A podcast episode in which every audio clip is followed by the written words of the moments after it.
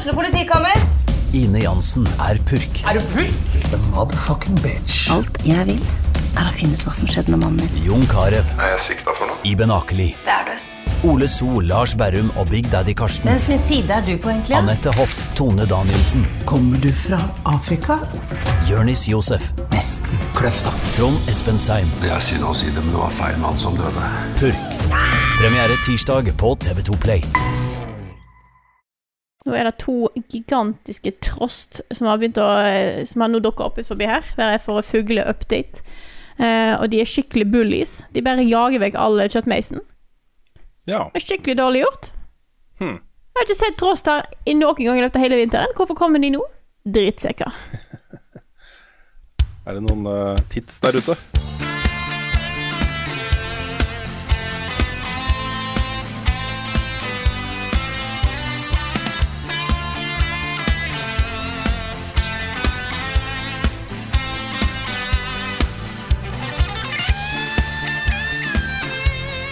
Nå har det gått så lang tid at jeg håper jeg ikke har glemt hvordan en lager podkast. Velkommen til en ny episode av podkasten Level Backup med meg, Frida Almo. Med meg i dag har jeg Karl Martin Hogsnes og Rune Fjell Olsen. Nytt år, nye muligheter! Godt nyttår! Godt nyttår! Det, er Godt jo, det har jo gått litt tid siden nyttår, men det er på en måte første gang vi setter oss ned og faktisk lager podkast sammen. Siden mm. lenge før jul, faktisk. Jeg har gleda meg sånn Ja. til å liksom bare komme i gang med ukentlig podkast igjen. Det er liksom jeg Begynner å snakke med hunden ikke sant, om hva jeg har spilt, og hva jeg har sett på TV, og Ja. lage lister og Ikke sant? Ja. Alle disse nerdete inntrykka vi ikke får delt. Det er akkurat det. Hvor skal vi putte de? Jeg kan ikke fortelle mamma om de, jeg kan ikke fortelle liksom naboen om de. Nei. Nei. Men det er bra vi har en podkast vi kan eh, da slå oss fullstendig løs i istedenfor. Og nå er vi, nå er vi back. Yes, og vi er indie Mhm. igjen. Det er vi. Fra 1.1 så eier vi da igjen 100% av aksjene i Level Up AS. Vi er ikke helt ferdig med oppryddinga eh, etter samarbeidet med Good Game. Um, det er noen papirer som skal signeres, og noen eh, ekstremt store regninger som skal betales, og um, eh, nye lønnssystemer som skal opp og gå. Det er mye som gjenstår, da. Men um, vi er godt i gang også. Vi driver jo nå og planlegger en Det blir jo en slags relansering av Level Up i midten av februar. Vi eh, har lyst til å ta et eh, skikkelig godt eh, En god gjennomgang av hvem vi er, og hva vi skal lage, og hva vi skal bruke tiden vår på. Eh, så det sitter vi liksom og pusler med nå behind the scenes. Eh, og så skal det da presenteres for alle på åtteårsjubileet vårt som indieselskap den 15. februar. Det blir Da- veldig spennende. Og da blir det ikke bare presentasjon, da kjører vi jo full veke med stream. Eh, da blir det mye kos, mye gøy. Kanskje litt visning av hva vi har lyst til å gjøre framover. Mhm. Jeg har lyst til å prøve å forberede noen piloter. Liksom sånn presentere for chatten. Dette har jeg lyst til å gjøre. Er det noe? Liksom. Ja, for vi trenger jo ikke å publisere de pilotene. Det kan jo være litt sånn mockups, og det kan være liksom sånn F.eks. Hvis, hvis noen skulle lage noe aktuali aktualitetsgreier, så kunne man bare lage noe og vise det til på stream, ikke sant? Og så ikke publisert noe sted. Mm. Så det går jo an. Det gjør det. Ja, for nå skjer det mye spennende bak behind the scenes her, bare så dere vet da, med at flere møter for planlegging. Vi skal ha en workshop. Nå, eh, nå skjer det ting. Og for de, dere som lurer, dere trenger ikke være redd for at vi har tenkt å slutte å gjøre de tingene som vi alltid har gjort, bare fordi vi skal prøve litt nye ting. Det blir fortsatt anmeldelser, det blir fortsatt podkast, det blir fortsatt eh, streams, det blir fortsatt videoer som eh, er kjent og kjære da for, eh, for Level Up som brand. Vi har bare lyst til å gjøre, se om vi kan gjøre litt nye ting i tillegg. Mm. Kanskje det til og med blir flere podkaster? Kanskje. Ja, kanskje. Mm. sant? Dette er jo ting vi allerede har snakka litt om. Vi hadde jo en stor stream nå i helga eh, for å prøve å nå ut til folk og si at hei, vi fins, vi har lyst til å fortsette å lage eh, spill, så støtt oss gjerne hvis dere har mulighet. Og eh, det var jo en av målene som vi ikke har nådd helt ennå, at vi skal starte en ny podkast. Det stemmer. En podkast om eh, film og TV basert på spill. Ja. Og så litt, litt om film og TV. Og litt generelt om film og TV også. Men mest det første. Soleklart mest det første. Yes. Så det kan bli spennende. Det, håper jeg vi, det målet håper jeg vi når. Ja. Så vil jeg si at det er en generelt uh, veldig god stemning innad i Level Up om dagen. Uh, ikke bare hos oss, men Nick er gira, Svendsen er gira, frilanseren er gira. Alle på en måte er involvert nå i, uh, i å bare finne ut hva vi kan holde på med. Så vi har, vi har veldig, veldig uh, mye hva skal vi si, sånn entusiasme for uh, fremtiden. Men jeg må jo si også det er ganske skummelt, folkens. Det er litt skummelt. Vi uh, har en del penger vi må tjene for, å, for at dette skal være flytende. Så, um, så, vi jobber jo med masse greier, da. Så jeg, jeg har god tro på at 2024 kommer til å bli et megabra år. Jeg har lyst til å nevne også som en inngang til, til, det, og som en, på en måte et signal om, om hvor vi står. Eh, vi hadde jo denne gamingaksjonen med Redd Barna uh, i fjor høst, som var den offisielle livestreamen til, til um, TV-aksjonen. TV ja. Uh, og de var såpass fornøyde, og vi var såpass fornøyde, og det føles såpass ålreit uh, og riktig for oss som, som satsing, som spillsatsing, å gjøre mer enn å bare snakke om spill. Så vi eh, kommer til å fortsette det samarbeidet med Redd Barna, og er nå en slags sånn offisiell samarbeidspartner. Så det kommer til å bli ny eh, innsamlingsaksjon for de til høsten, og kanskje også vi eh, skal eh, hjelpe til litt, da, med eh, litt sånn spisse aksjoner gjennom året. Det, det føles veldig godt også. Microsoft har kjøpt alle spillselskapene i Japan. Mario har blitt pensjonist. Half-Life 5. Hideo Kojima starter spillstudio i Bodø. Skyrim er nå tilgjengelig på Mars. Miyamoto har lagd en kano. EU forbyr teabagging i spill. Ukens hotteste. Mens ting er kaldt og dekka av snø ute, så kan en jo bare holde seg inne. For akkurat nå så er det et fantastisk fantastisk arrangement som foregår. Det skjer hvert år. Det er Awesome Games Done Quick. Og ukens hotteste denne uka er ingen eh, ringere enn hunden Peanut, hva den heter. Peanut Butter. Peanut Butter, Som har speedrunna et spill på Awesome Games Done Quick i år. Uh, for de som ikke har fått med seg dette her, litt meg inkludert, akkurat den saken her, hva er dette for noe? Dette er en Shiba Inu, som er hunden da, til en, eh, en etablert speedrunner. Uh, og han har lært den hunden opp til å trykke på uh, to knapper, en rød og en blå. Uh, og han, han, gir den på en måte kommando da, på hvilken den skal trykke på, så gir den godbiter. og så er det både sånn at den skal trykke én gang, den hunden, men også holde nede. Eh, og det spillet som eh, Peanut Butter spilte gjennom da, på 26 minutter og 24 sekunder, det er to minutter eh, dårligere enn verdensrekorden, som også Peanut Butter holder. Verdensrekord for å speedrunne det spillet som hund. Ja, ja okay, som hund, ja. Det er ja. riktig. Ikke sant? Ja. Uh, dette er et spill som heter Gyromite, og da er det en, en uh, litt sånn uh, gammel mann som går i søvne. Og så skal du liksom åpne opp noen sånne porter og sørge for at den ikke dør, ikke sant? så han kommer seg videre. Så eh, Shiba Inu står liksom der og trykker ned knapper. Og Bare det å holde oppmerksomheten til en Shiba Inu i 26 minutter og 24 sekunder på den måten er ganske imponerende, altså. Man har fått mye godbiter opp igjennom. Massevis. Ja. Men det var kjempegøy å se på også. Det var kjempegøy. Uh, så, og det er litt sånn betegnende for uh, GameStone Quick også. Mm. Det, det, er så god stemning altså, hele tiden. Ja, de, de har brancha ut mer og mer de siste åra. Liksom, mm. Nå er de i gang med, med Dog Percent, er den nye, den nye kategorien. Og så har de begynt med sånn randomizers, og de har begynt med sånn kombospill. Og mm. relay racing og mye sånne forskjellige ting. Så det er, eh, det er, gøy at de prøver litt nye ting. Mm. De må kanskje nesten det, for det er, det er ikke Det er grenser for hvor gøy det er å se det samme spillet hvert år, på en måte. Ja. ja. det er litt sånn, og de prøver jo litt forskjellige vrier på et godt etablerte spill som kommer tilbake igjen år etter år også. Mm. Um, og jeg, jeg, jeg syns også det er så koselig. Moderne smart-TV-er har jo Twitch som egen app. Det å bare sette opp Twitch og så sitte og se på GameStone Quick på TV-en i sofaen. Det er så høy kvalitet, og det er så gøy å se på. God stemning og alt mulig rart. da. Så, så dette har jeg kost meg skikkelig med også. Absolutt. Det er et av de mest eh, feel good arrangementene som finnes i spill, uh, spillsfæren. Ja, Helt så er det jo innsamlingsaksjon også. I år går det til, um, til eh, Prevent Cancer Foundation. Um, og det er vel samla inn Jeg tror det er runda 400 000 dollar. I hvert fall så var det 300 og et eller annet det siste jeg så på for noen timer siden. Å ja, Sist jeg sjekka, så var det over 700 000. Å ja, ok, men Oi. da har det gått skikkelig, skikkelig mye over. Jeg tror det gikk eh, veldig mye opp under Selda, blant annet. Ah. Ja, nettopp. Men dette er jo sånn to ganger i året så skjer dette, og um, det er litt lett å på en måte gå glipp av eh, de skikkelig godbitene. Uh, anbefaler folk å gå inn på uh, gamesdonquick.com slash schedule for å se hele schedulen. Der kan du også velge å få liksom, tidspunkter til din egen tidssone. Uh, jeg har satt opp et, et lite utvalg av uh, speedruns som gjenstår da, etter at denne podkasten kommer ut.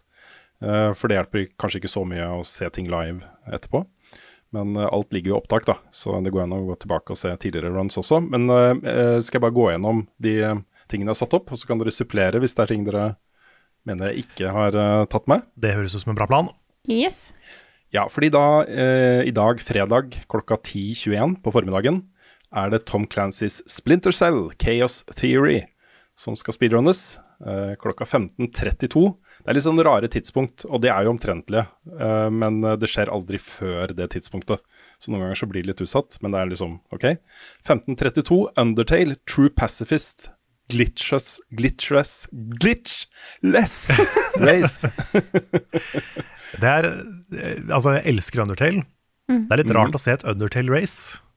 Ja, men altså, liksom, det, det er, jeg, jeg, liker ideen om på en måte speedrun races, for det blir litt mm. ekstra sånn spenning rundt det òg. Ja, ja, ja, jeg digger mm. speedrun races, men bare akkurat Undertale, liksom. Ja. Det, det, er liksom et sånt vibespill, men, ja. Uh, men ja. Jeg satt i går og så på Metroid Dread Race. Ja, det er kult. Det er kult. Mm. Ah, det var helt amazing. Og de var så jevngode. De fullførte med var det to sekunders uh, forskjell. Oh, wow. nice. Så det var awesome å se på, altså. Uh, men OK, 1844, fredag. Dark Souls, Any Percent, No Wrong Warp. Og jeg vet ikke hva det er for noe. Det er den derre um, greia at du kan manipulere hvor du ender opp på, med loading-skjermer oh, ja. og sånn. Mm. Okay. Så det vil si at de må da komme seg fysisk fra sted til sted, da. Ja, nettopp. Det høres ut som en god idé. Det er, det er mer ja. spennende med sånne spill spiller riktig-runs. Ja, for det, det, er litt sånn som Elden Ring speedruns en periode bare var sånn zipping. Og da er det litt sånn mm. Det er ikke så spennende. Er det eh. mulig det kommer litt Ellen Ring-zipping senere i programmet? Ja. ja. altså Det er ikke noe negativt med det, men det er bare at da får en veldig annen karakter, da. Mm. Ja. Mm. Any percent betyr jo at uh, de skal bare fullføre spillet, komme til rulletekst. Ja. Det er ikke viktig å få med seg alle items. Uh, den Metroid Dread uh, race jeg så, var jo 100% Da skulle ah, de få alle items. Så, ja, det var ordentlig gøy, fordi det som skjedde da, var jo at de, de rusher gjennom spillet, alle bosser, du, du, du, du, og så tar de et cleanup run før de tar siste bossen, hvor de bare går gjennom alt, for da har de fått alt abilities, ikke sant, så kan bare fise gjennom. Det er umenneskelig. Det er umenneskelig. Eh, men da senere på fredagen klokken 22.40, perfekt sånn TV-titting-tidspunkt for sånne som oss.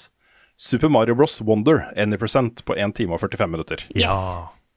Det, det, er jo første gang, av naturlige årsaker, men den, eh, den mm. gleder jeg meg til å se. Jeg har mm. hørt at de, de kommer jo ikke til å ta noe Wonder Flowers, for det sparer jo ikke tid. Ah. Okay. Så da, de må jo bare rushe gjennom det. Mm. Ja. Ja, 1 time og 45 minutter på det spillet er nok eh, Det kan bli gøy å se på det. Også. Jeg vil bare sitere Carl om en speedrun. Da må de vel bare rushe gjennom? Ja, da må de bare rushe gjennom, da. Kan ikke stoppe å lukte på blomstene da. Nei. Du har skjønt det, Carl. Jeg har skjønt, det. skjønt dette med speedruns, mm. altså. Jeg har det. Så kan folk holde seg oppe litt, uh, hvis de klarer. 0040 natt til lørdag. Resident Evil 4 remake. New game professional vanskelighetsgrad, any percent på to timer. Å, den skal jeg se. Mm -hmm. Etterfulgt av uh, Zelda, Majora's Mask, uh, 0434, Carl. Klarer du den? Oi. Den vet jeg ikke om jeg klarer. Mulig jeg må se den i opptak. Ja, for den, den, det spillrådet skal vare i 4 timer og 55 minutter. Jeg må se den i opptak. For dette er en 100% NMG. Jeg vet ikke hva det består for. No major glitches. Ja. Relay. Å oh ja, så de skal bytte på, da. Mm. Ja, Det må de jo kanskje gjøre, da. Fire ja, stykker skal bytte på. Mm. Mm. Dette var uh, utrolig bra dekonstruksjon av uh, disse begrepene. Dere er flinke. Uh, men så kan man stå opp da, ta en kopp kaffe sånn til ellevetiden og da kose seg med Star Fox 64 klokken, klokken 11.38. Det er et 2K prosent. 2000 prosent. Ja, riktig. Ja, du kan få ganske mange prosent i det spillet. Mm. Uh, det skal rundes på 40 minutter. 13.24 på lørdag. Ghostwire Tokyo. Any prosent på 1 time og 15 minutter. Jeg tror det kan bli fett å se på. Så det blir litt for Sonic-fansen klokka 14.46 på lørdag. Uh, Sonic Origin pluss Anniversary Mode Relay på 2 timer og 30 minutter. Ja, den skal jeg se. Det er jo alle de klassiske spillene. Det er 1, 2, 3 og Knuckles og CD, tror jeg. Mm. Så det er jo på en måte fire spill da, som skal races på en gang. Det blir kjempegøy. Det blir bra. Eh, 1836 på lørdag. Mario Kart 64, all cups med skips Yeah. på 27 minutter. Det er jo et tidligere eh, Mario Kart-run tidligere i, i, eh, eh, i streamen. Eh, jeg så den i opptak. Da var den på Wii. Mm. Yes. Den er jo veldig, veldig bra. Mm. Og så øh, vokser det hår på brystet mitt på avslutning her, i hvert fall. Uh, 2016, lørdag. Elden Ring versus Sekiro. Any percent unrestricted versus any percent. Og jeg er ikke helt sikker på hva det betyr. De snakka om det tidligere eh, mens jeg så på, og da eh, virker det som det blir ett av dem. Um, Og det er sikkert de sånn donation goal-ting. Mm. Et eller annet sånt, ja. At de velger ett av de. Mm. Eh, De to konkurrerer mot hverandre, og så blir det ett av dem, da. Ja, jeg har, sett, jeg har sett både Elden Ring og Sekiro Unrestricted. Ja. Og Sekiro så svømmer du gjennom land ganske mye. og Elden Ring så er det jo veldig mye sipping og teleportering rundt omkring. Ja, for de er satt opp til å vare 20 minutter. Da går det fort. Ja. Da går det, da går det passe fort. Jepp. Dette, neste, det neste speedrunnet er kanskje den jeg gleder meg mest til på hele Gamestone Quick i år. Um, det er nemlig klokken 20.56 lørdag, prime time. Lies of P, any percent på én time. Å shit, jeg fikk ikke med meg at de skulle spille Lies of P. Nei, men det tror jeg kan bli fett, altså. Det kan bli kult. Det kan bli kult. Etterfulgt av 0033 natt til søndag. Tears of the Kingdom på én time, any percent. Åh, den skal jeg se. Da blir så kult å se. Opptak av etterpå. Mm. Var det i for, forrige runde de hadde Tears of the Kingdom med bind for, Nei, Breath of the Wild med bind for øynene? Ja, det lurer jeg på. Ja, det jeg var husker helt jeg så det, vilt. hvert. Jeg husker jeg så Sekiro. Bind for øynene. Den var Ja. helt uh, ko-ko. Mm. Mm. Eh, Nå vender jeg stadig tilbake til det Metroid Dread-greiene, men der snakka de Det var jo to vestlige speedrunnere, men de snakka om de japanske speedrunnerne av Metroid Dread. Eh, Og de driver jo med sånn blindfold runs da, gjennom eh, Metroid Dread. det er ganske bananas. Ja, det er next level, ass. Det er next level. Men jeg vil- virkelig slå et slag også for å Hvis du ikke får sett det live, det er mye jeg ikke får sett live Ting går på natta, ting går mens jeg er på jobb. Ting går med, gikk mens vi streama i helga. Det Mhm. er så gøy å gå tilbake igjen og se opptak av dette her i tillegg. Eh, Det er veldig Ja, det er lett det. å finne på, på Twitch. Jeg vet ikke helt hvor lett det er på, på, på, på TV-en, men på PC så har de timestampa alt. Så du bare på en måte Mm. trykker på, eh, på klippene, og så velg, eller på videoen, og så velger du eh, det tidspunktet du har lyst til å gå til. Eh, så jeg vil slå et slag for den første de starta med, som var Tunic. Det var en Ja, utrolig kul uh, speedrun. Mm. Eh, der hadde de òg med seg han som var audio-producer, tror jeg, i spillet. Så kom det litt sånne behind the scenes-ting her og der, og veldig, veldig stilig laga. Ja, det er kult. Kult. Selvfølgelig òg Super Monkey Ball-streamen. Super Monkey Ball er altså et så galskapsspill, og da å se noen speedrunner eh, er en blanding av fascinasjon og det går ikke an. Jeg nekter å gå med på det. Eh, fordi at det er en ting er der, der de har helt klart OK, du skal ha rett eh, Du skal stoppe på rett tidspunkt, så du får rett frame, eh, som du tar ut fra sekundene du er på på klokka, og så skal du på en måte vri deg. Og en annen er bare at de bare manøvrerer seg på måter som jeg ikke skjønner at går an. Eh, Mm. Så det var veldig, veldig kult. Oi! En siste en. Kan jeg få lov til det? Ja da. Sonic Adventure 2 Battle ble Ja. Dark, eh, dark Story. Og høydepunktet der var en spesiell cutscene, som er legendarisk fra det spillet. I Found You Faker, der de bare Vanligvis så cut, hopper de forbi alle cutscenes, eh, brydde seg ikke så mye om det, selvfølgelig. Speedrun. Men den lot de spille i sin helhet, eh, med hele salen som eh, recita hele cutscenen i sin helhet. Eh, og det var bare så fint å høre at det er flere enn meg som kan alle de cutscenes der på rams. Oh. Mm. Jeg, jeg satt og så på det og tenkte på deg. Jeg Ja. vurderte å sende deg en melding, men det var så seint. Ja. Så jeg lot være. Men, eh, men ja, det var helt nydelig. Åh, jeg så han i opptak i, i, i går, og jeg, eh, jeg koste meg. Jeg koste meg. Jeg har også noen shoutouts, hvis jeg, Ja. if I may. Ja, kan ikke jeg fullføre programmet Ja, først? altså, Jeg trodde vi var ferdig.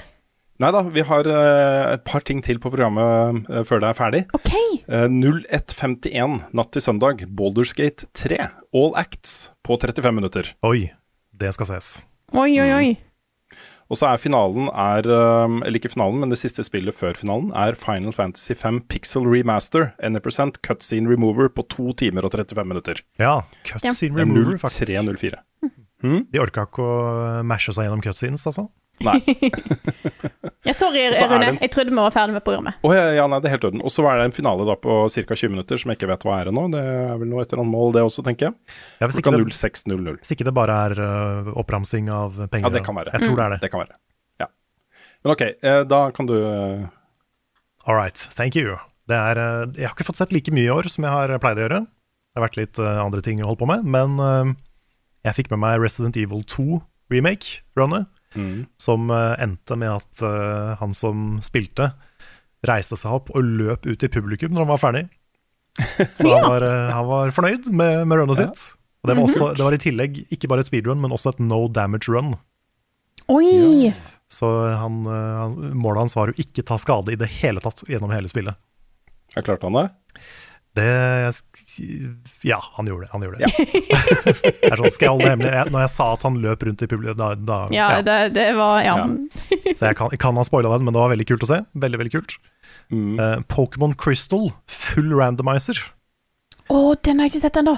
Den burde du se, Frida. For Ja. det er, de har randomisa hvilke Pokémon de møter. Hvilke badges de får, hvilke uh, items de har i alle shoppene. Absolutt alt er på en måte randomisa. Da er det fascinerende å se hvordan de liksom planlegger. Og det er jo det Og- beste andregenerasjons Pokémon-spillet. Ja, Bortsett fra Heart Gold og Soul Silver, så er det det. Ja, bortsett fra Ja. Yes. Mm. Så det, men det er, og de skal faktisk fram til Red. De skal ta hele spillet, liksom. Alle Oi, 16 shit! badges. Wow! Så det er ganske vilt. Ja, da, er den må jeg få sett. Og siste shoutout jeg vil komme med, er Donkey Kong 64. Mm. Som alltid er eh, good times. Pikmin 4 var Ja. veldig bra. Den, eh, den koste jeg meg virkelig gjennom. Mm. Just so you know. Ja, nei, jeg har allerede snakka om min favoritt, Metroid Dread. Mm. Det, er, det, er, altså, det spillet er altså så gøy, altså. Uh, og dette er sånn perfekt spill å se speedrun av også, fordi de er så utrolig mye bedre enn det jeg er når jeg spiller det spillet. men jeg vet jo, jeg vet jo liksom, jeg har vært der. Jeg har gjort de samme tingene, men uh, mye saktere. Mye saktere. Så ta, sett deg ned i eh, sofaen din, kos deg med litt uh, speedrun-moro. Hvis du ikke har sett noe uh, speedruns på AGDQ før, uh, så er ikke dette noe sånn tørre greier der noen bare spiller gjennom og litt kommentarer. Det er virkelig et fullt opplegg her. Du har flere kommentatorer som er med, i tillegg til de som, som streamer. Og de som streamer, er ofte ekstremt Altså, mange av disse her er jo underholdere til, til de grader. Så det er ikke noe bare sånn eh, å se på at noen eh, trykker på litt knapper. Her er det en hel Det er en hel stor underholdningsverdi i dette her, altså. Jeg syns det, det er litt sånn ekstra morsomt, fordi speedrunnere er jo et veldig lite community, men et veldig hyggelig community. Og alle rapporterer om i, i disse Discord-kanalene og sånt hvor de henger, da, at nykommere, altså folk som kommer inn i speedrunning community, blir så innmari godt tatt imot. Og alle, liksom, Der sitter verdensrekordholdere og gir sine beste tips for å liksom komme seg over kneiker og alle disse tingene, og at de er ordentlig um, inkluderende for alle som har lyst til å bli med. Uh, og da er det kjempegøy å se at uh, nå har jo uh, speedrunnere fått internasjonal oppmerksomhet så det holder, etter at en 13-åring i USA ble den første da, til å få Tetris til å krasje. Han spilte så lenge at han fikk Tetris til å krasje. Dette har de holdt på med i 20 år, liksom. 30 år har de prøvd å få til dette her. Nå husker jeg ikke akkurat når de begynte, men 90, ja, det var 30 20, Kom i 92 eller 3 eller noe sånt på Gameboy, var det ikke det? Ja, Det uansett. høres riktig ut. Ja, Ja. det De det. holdt på kjempelenge. Holdt på kjempelenge. og så er det sånn BBC, NRK, alle de store nyhetsmediene har liksom dekket det. Det føles litt random, men veldig fortjent, da. At uh, den gjengen her får den type oppmerksomhet. Tetris. Skyrim.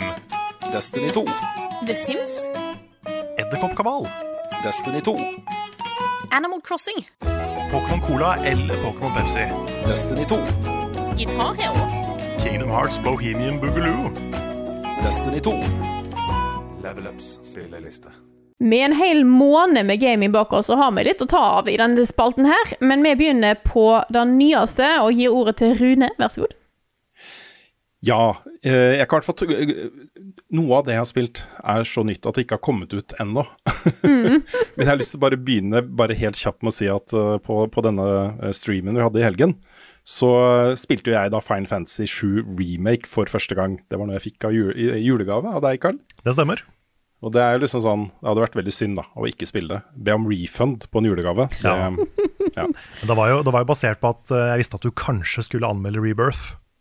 Så da tenkte jeg ok, hvis jeg, kanskje jeg kan gjøre det her for å forberede Rune. Jo, jo, men også jeg hadde tenkt til å gjøre dette her uansett, fordi jeg har i hvert fall lyst til å se da, om jeg kan være i stand til å anmelde Rebirth.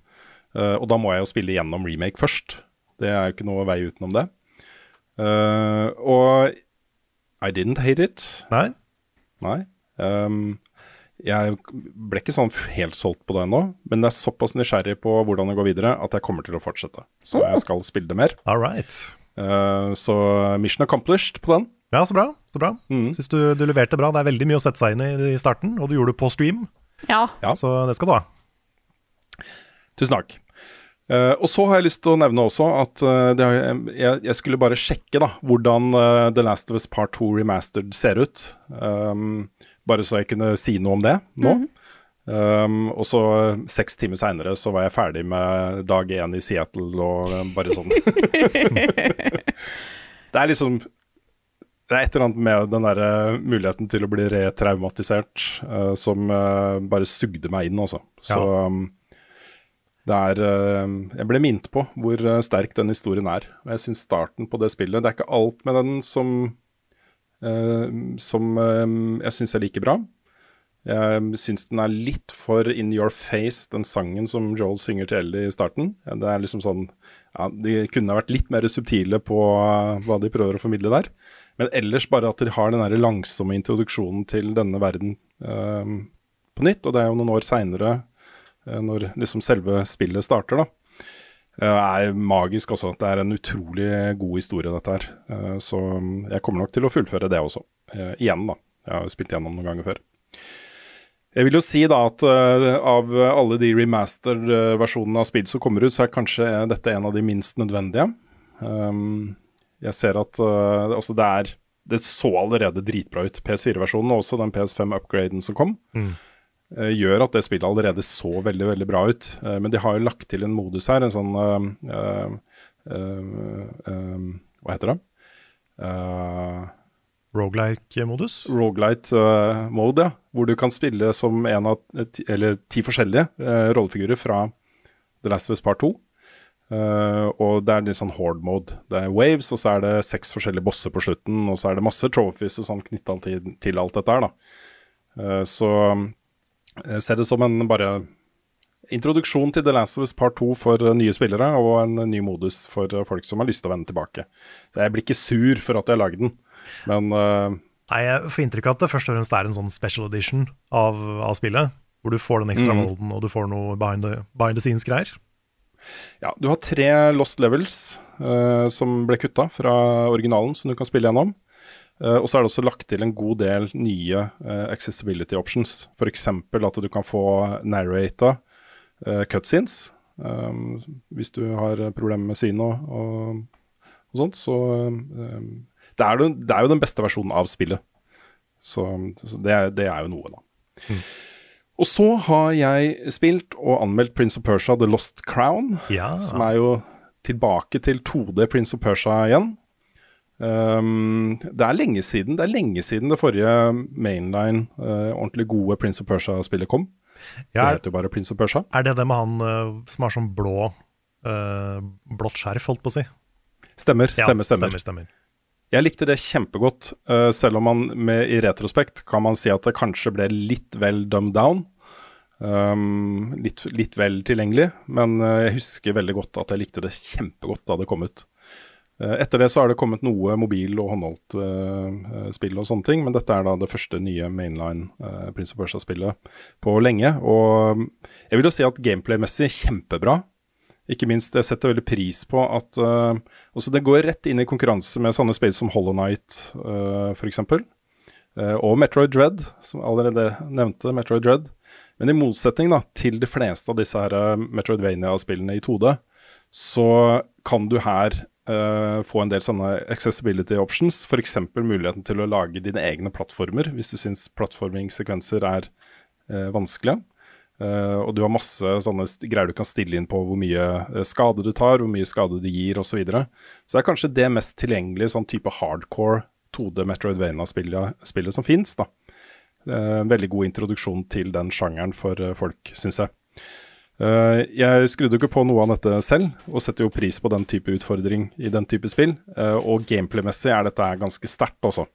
Særlig etter hvert som du får flere og flere abilities, sånn som det er i alle disse spillene, hvis det er gjort det riktig. eh, at du Hele verden vokser, liksom. Altså, du blir sterkere og sterkere, og du får flere og flere funksjoner og flere og flere muligheter, og kan vende tilbake og liksom åpne dører som var utilgjengelige tidligere, og alt dette her.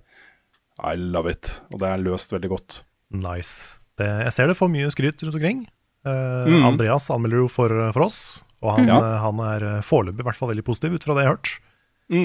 Jeg ser mange sammenligner med Ori også, og det er en bra, bra sammenligning. Absolutt. Jeg uh, hang meg veldig opp i dialogen jeg, og historiene i spillet her, for det er et ganske langt spill. Vi snakker sånn 20 pluss timer på å komme seg gjennom bare storyen, liksom. Og de snakker hele tiden, uh, på samme måte som de snakker i Hades, f.eks. Uh, men det er altså så milevis forskjell på Hades og Prince of Persia der. Fordi det virker som om alt det de forskjellige rollefigurene sier, er det første tingen en veldig uh, sånn lei manusforfatter kom på. Liksom, Få si det, da, og så sier de det, og så sier de det, og så er vi ferdig neste scene. Virker som han hadde skikkelig dårlig tid og var uengasjert i det som uh, i den jobben, da. Ja, Kanskje Ubisoft har begynt å ta i bruk eh, AI-verktøyene sine? Jeg tenkte på det, skjønner du. Jeg tenkte på det. Oh. Det er i hvert fall en utrolig nedprioritert del av spillet, og når det er så mye dialog og så mye historie, så, så plagde det meg. Så jeg endte opp med å gi det terningkast fire på NRK, uh, som jeg syns var eh, rettferdig. En syv av ti, som uh, anerkjenner uh, bra gameplay, men som trekker for noe som jeg mener de burde lagt mer arbeid i, rett og slett. Men så, da. Det siste jeg har spilt, er jo eh, så nytt at det kommer jo ikke ut før eh, jeg tror det er i mars. eh, Oi. eller noe sånt. Oi. Pacific Drive. Ja. Ja, ja, ja, ja, Det var jo på topp 10-lista mi for spillet jeg gleder meg mest til i 2024 også. Stemmer det var en demo av det, var det det? Det var en demo som ble sendt ut til samme som oss, da. Altså streamere og innholdsskapere. Det var ikke en fritt tilgjengelig demo, det var mer en sånn preview-mulighet for folk. Um, og det, altså, jeg ble så hooked av det spillet.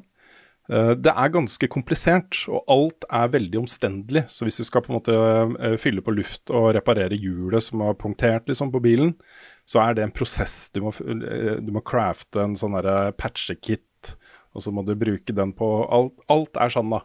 Ikke sant? Det er ikke bare å gå rundt og trykke på knapper og gjøre ting. Du må hele tiden crafte ting, bygge ting, ta av eh, metallpaneler, eh, sette de på, pusse opp bilen, lade opp, eh, fylle på bensin. Og alt er veldig sånn Altså, du, du, du gjør det veldig sånn fysisk.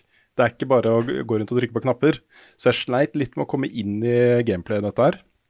Jeg vil jo si det er litt sånn skranglete også. Det, er- det er ikke noe sånn triple A uh, God of War-type fil uh, på, på alt.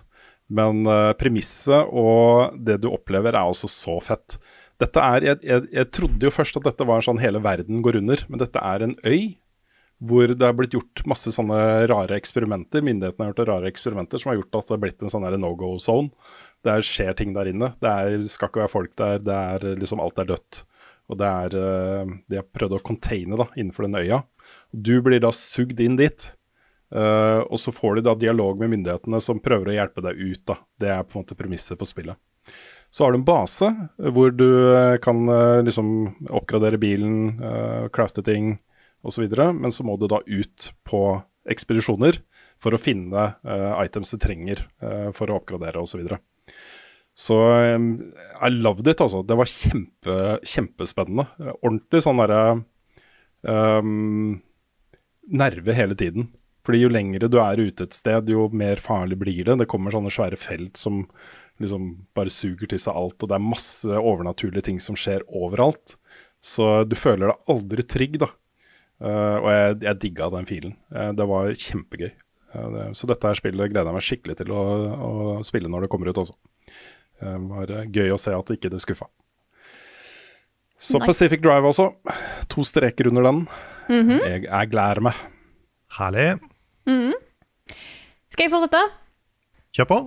Yes, jeg har jo nå prøvd å ta igjen litt uh, ting jeg ikke har rukket å spille resten av uh, i fjor. Uh, jeg har en plan om å lage en toppliste, men den blir litt forsinka.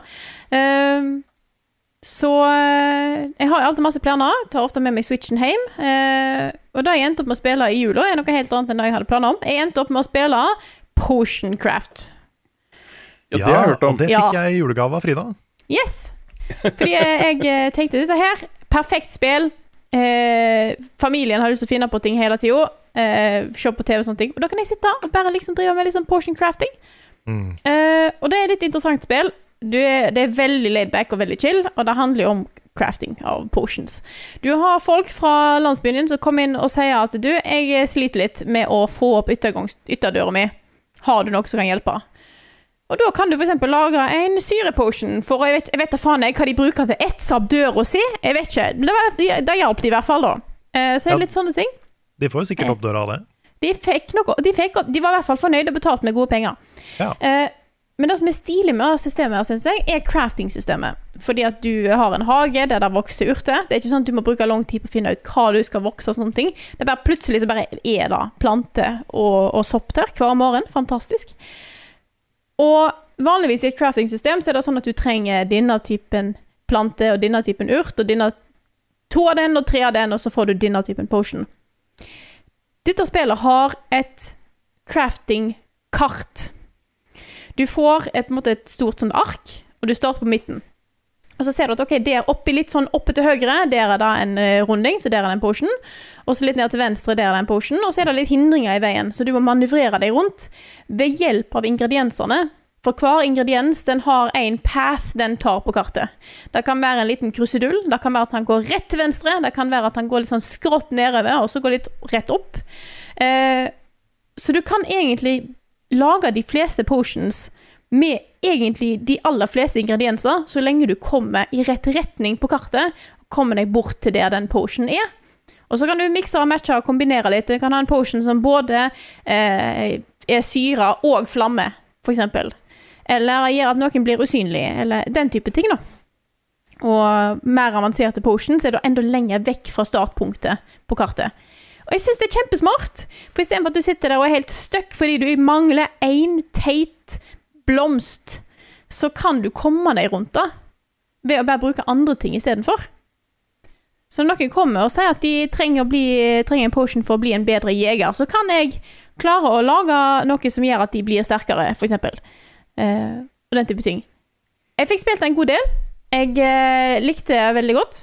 Jeg er litt usikker på hvor mye mer som kommer etter hvert som jeg spiller, for jeg føler liksom at jeg har avduka de tingene som eh, De fleste tingene som spiller har å by på.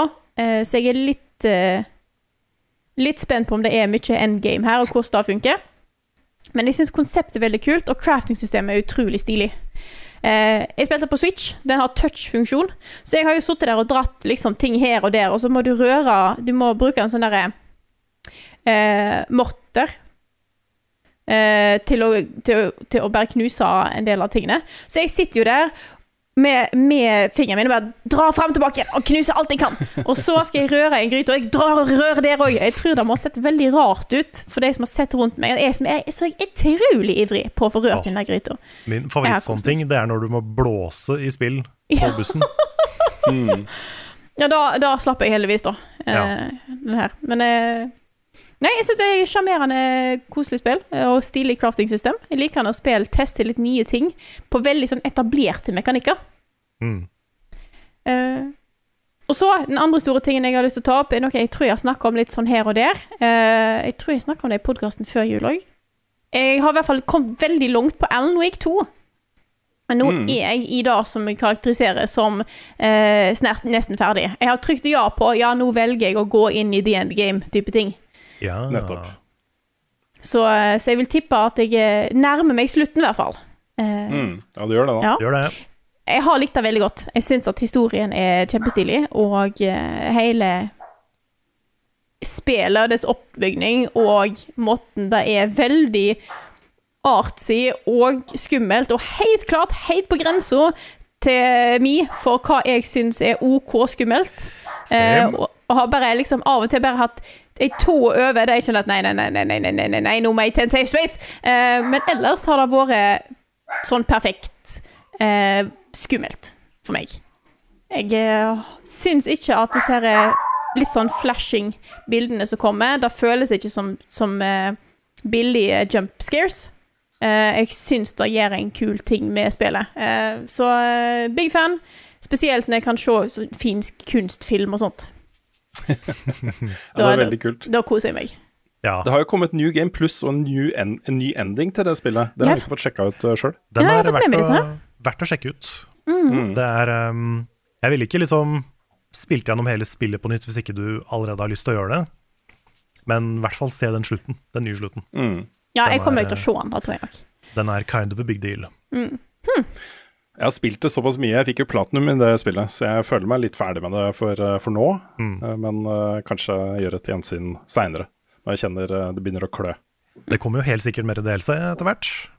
Absolutt. Det er vel garantert. i hvert fall to DLC-kapitler som er bekrefta allerede. Det høres riktig ut, uten at jeg kan si det helt sikkert. Altså, jeg har, jeg skal bli ferdig med det, og så har jeg et par spill, småspill til jeg har lyst til å komme gjennom. Eh, og en av de er jo eh, Slay the Princess, som jeg starta på på stream. Jeg tror nok jeg kommer til å fullføre det offstream, eh, bare for å ha litt ro, eh, og ikke tenke på performance og sånt som en gjør når en er på stream. Eh, Det likte jeg kjempegodt. Ja. Jeg likte det så godt, og det var så gøy å se på at jeg kjøpte det selv. Ja, du gjorde det, her, ja. Nice. Ja, ja.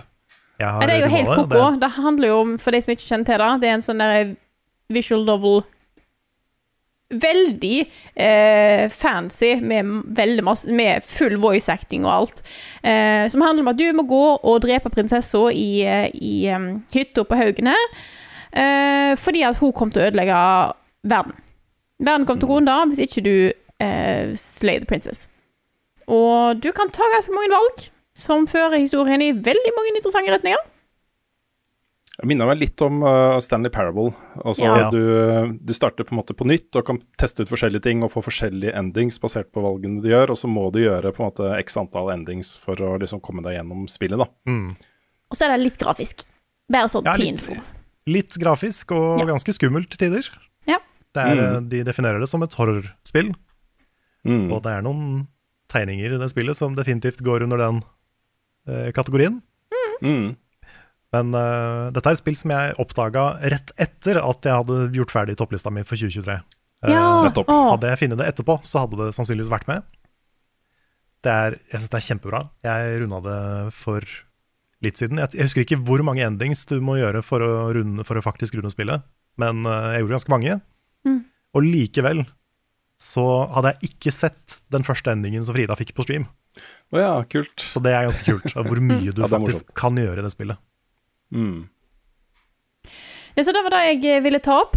Carl, hva har du Ja. spilt i det siste? Nei, et av de er jo eh, Slay the Princess, da. Ja. Som jeg hadde tenkt å ta opp, som jeg syns er dritbra. Så hvis du tåler eh, litt sånn visual novel-type spill Det er voice acta, så du slipper å lese, til og med. Mm. Veldig behagelig. Så, så varmt anbefalt å sjekke ut det. Tenk Stanley Parable møter Doki Doki Literature Club, på en måte. God beskrivelse. Det er Slay the Princess. Ellers så har eh, jula for meg vært litt sånn uh, gjensyn med spill jeg allerede har spilt. Jeg har uh, gått tilbake til Pokémon for å spille den nye DLC-en, og den nye epilogen som kom etterpå. Ja. Uh, og den, den siste DLC-en var ganske kul. Det var mye fokus på sånn double battles. Og faktisk ganske vanskelig. Det var, det, det var skikkelig sånn pro strats fra NPC-ene i Pokémon for første gang. Så det var litt stas. Den epilogen som kom for en ukes tid siden, den var veldig rar. Mye, mye chicken dancende characters, mye rart. Og en ny mythical Pokémon, som var sånn liten, li- li- liten eh, goblin-type ting. OK. Så øh, nå er liksom Pokémon Scarlet og Violet helt ferdig. Da. Og jeg kjenner at nå er jeg klar for en ny, et nytt spill øh, etter hvert. Ny generasjon etter hvert. Jeg håper at liksom, dette var slutten på den dårlig optimaliserte generasjonen av Pokémon. For nå, øh, neste spill håper jeg de har naila ytelsen litt mer. Ja. For det var en sånn konstant irritasjon for, øh, for meg. under eh, den generasjonen her. Selv om spillet egentlig er veldig bra, så, så ødelegger de litt, da. Eh, ellers må jeg nevne at Nick, Svens og jeg omsider har fullført Baldur's Gate 3. Fy fader. Veldig bra. Det- Bra jobba. Det er den lengste co-op-playthroughen jeg noen gang har hatt i noen ting. Mm. Det å spille gjennom en 100 timer lang campaign med to andre personer, det hadde jeg aldri trodd jeg skulle gjøre. Men det spillet er så bra at vi, vi klarte ikke å stoppe. Jeg er veldig lei meg for at ikke jeg fikk vært med på den der også. Det er et savn. Det hadde vært veldig kult å ha deg med.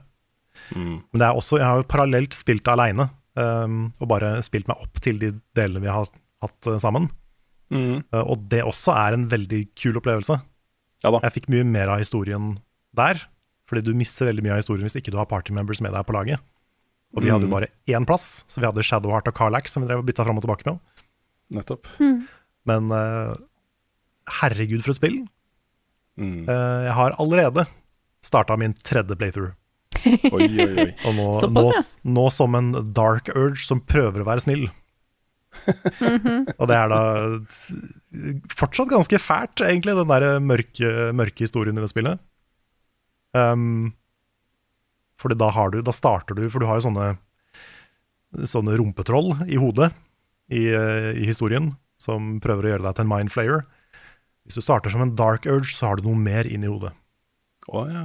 Da starter du med noe annet mørkt inni, inni hjernen din, og du vet ikke hva det er. Men det får deg til å gjøre fæle ting. Men du kan likevel velge å være snill. Ok. Men da kjemper du imot den tingen, da. så det er en sånn kul, eh, kul dynamikk. Mm, er det terningbasert? At du kan gjøre snille ting, men da må du Jeg tror ikke ennå, for meg, Nei, ok. Uh, men jeg tipper det kommer. Mhm. At du etter hvert må liksom faktisk overbevise deg sjøl om å ikke være fæl. Jeg tipper det, Ja. det er en ting som kommer. Uh, ellers testa den nye DLC-en til God of War, uh, Valhalla. Den er sjokkerende bra for å være gratis. Jeg satt i, tror jeg, i hvert fall seks-sju timer med den. Det er en uh, rogelike mode, hvor du da uh, kommer til Valhalla. uh, og går inn noen dører der, og der er det masse combat-opplegg. Og etter hvert så begynner det å skje storyting som er ganske relevante for God of War-historien. Det er noen kule callbacks til gamle spill.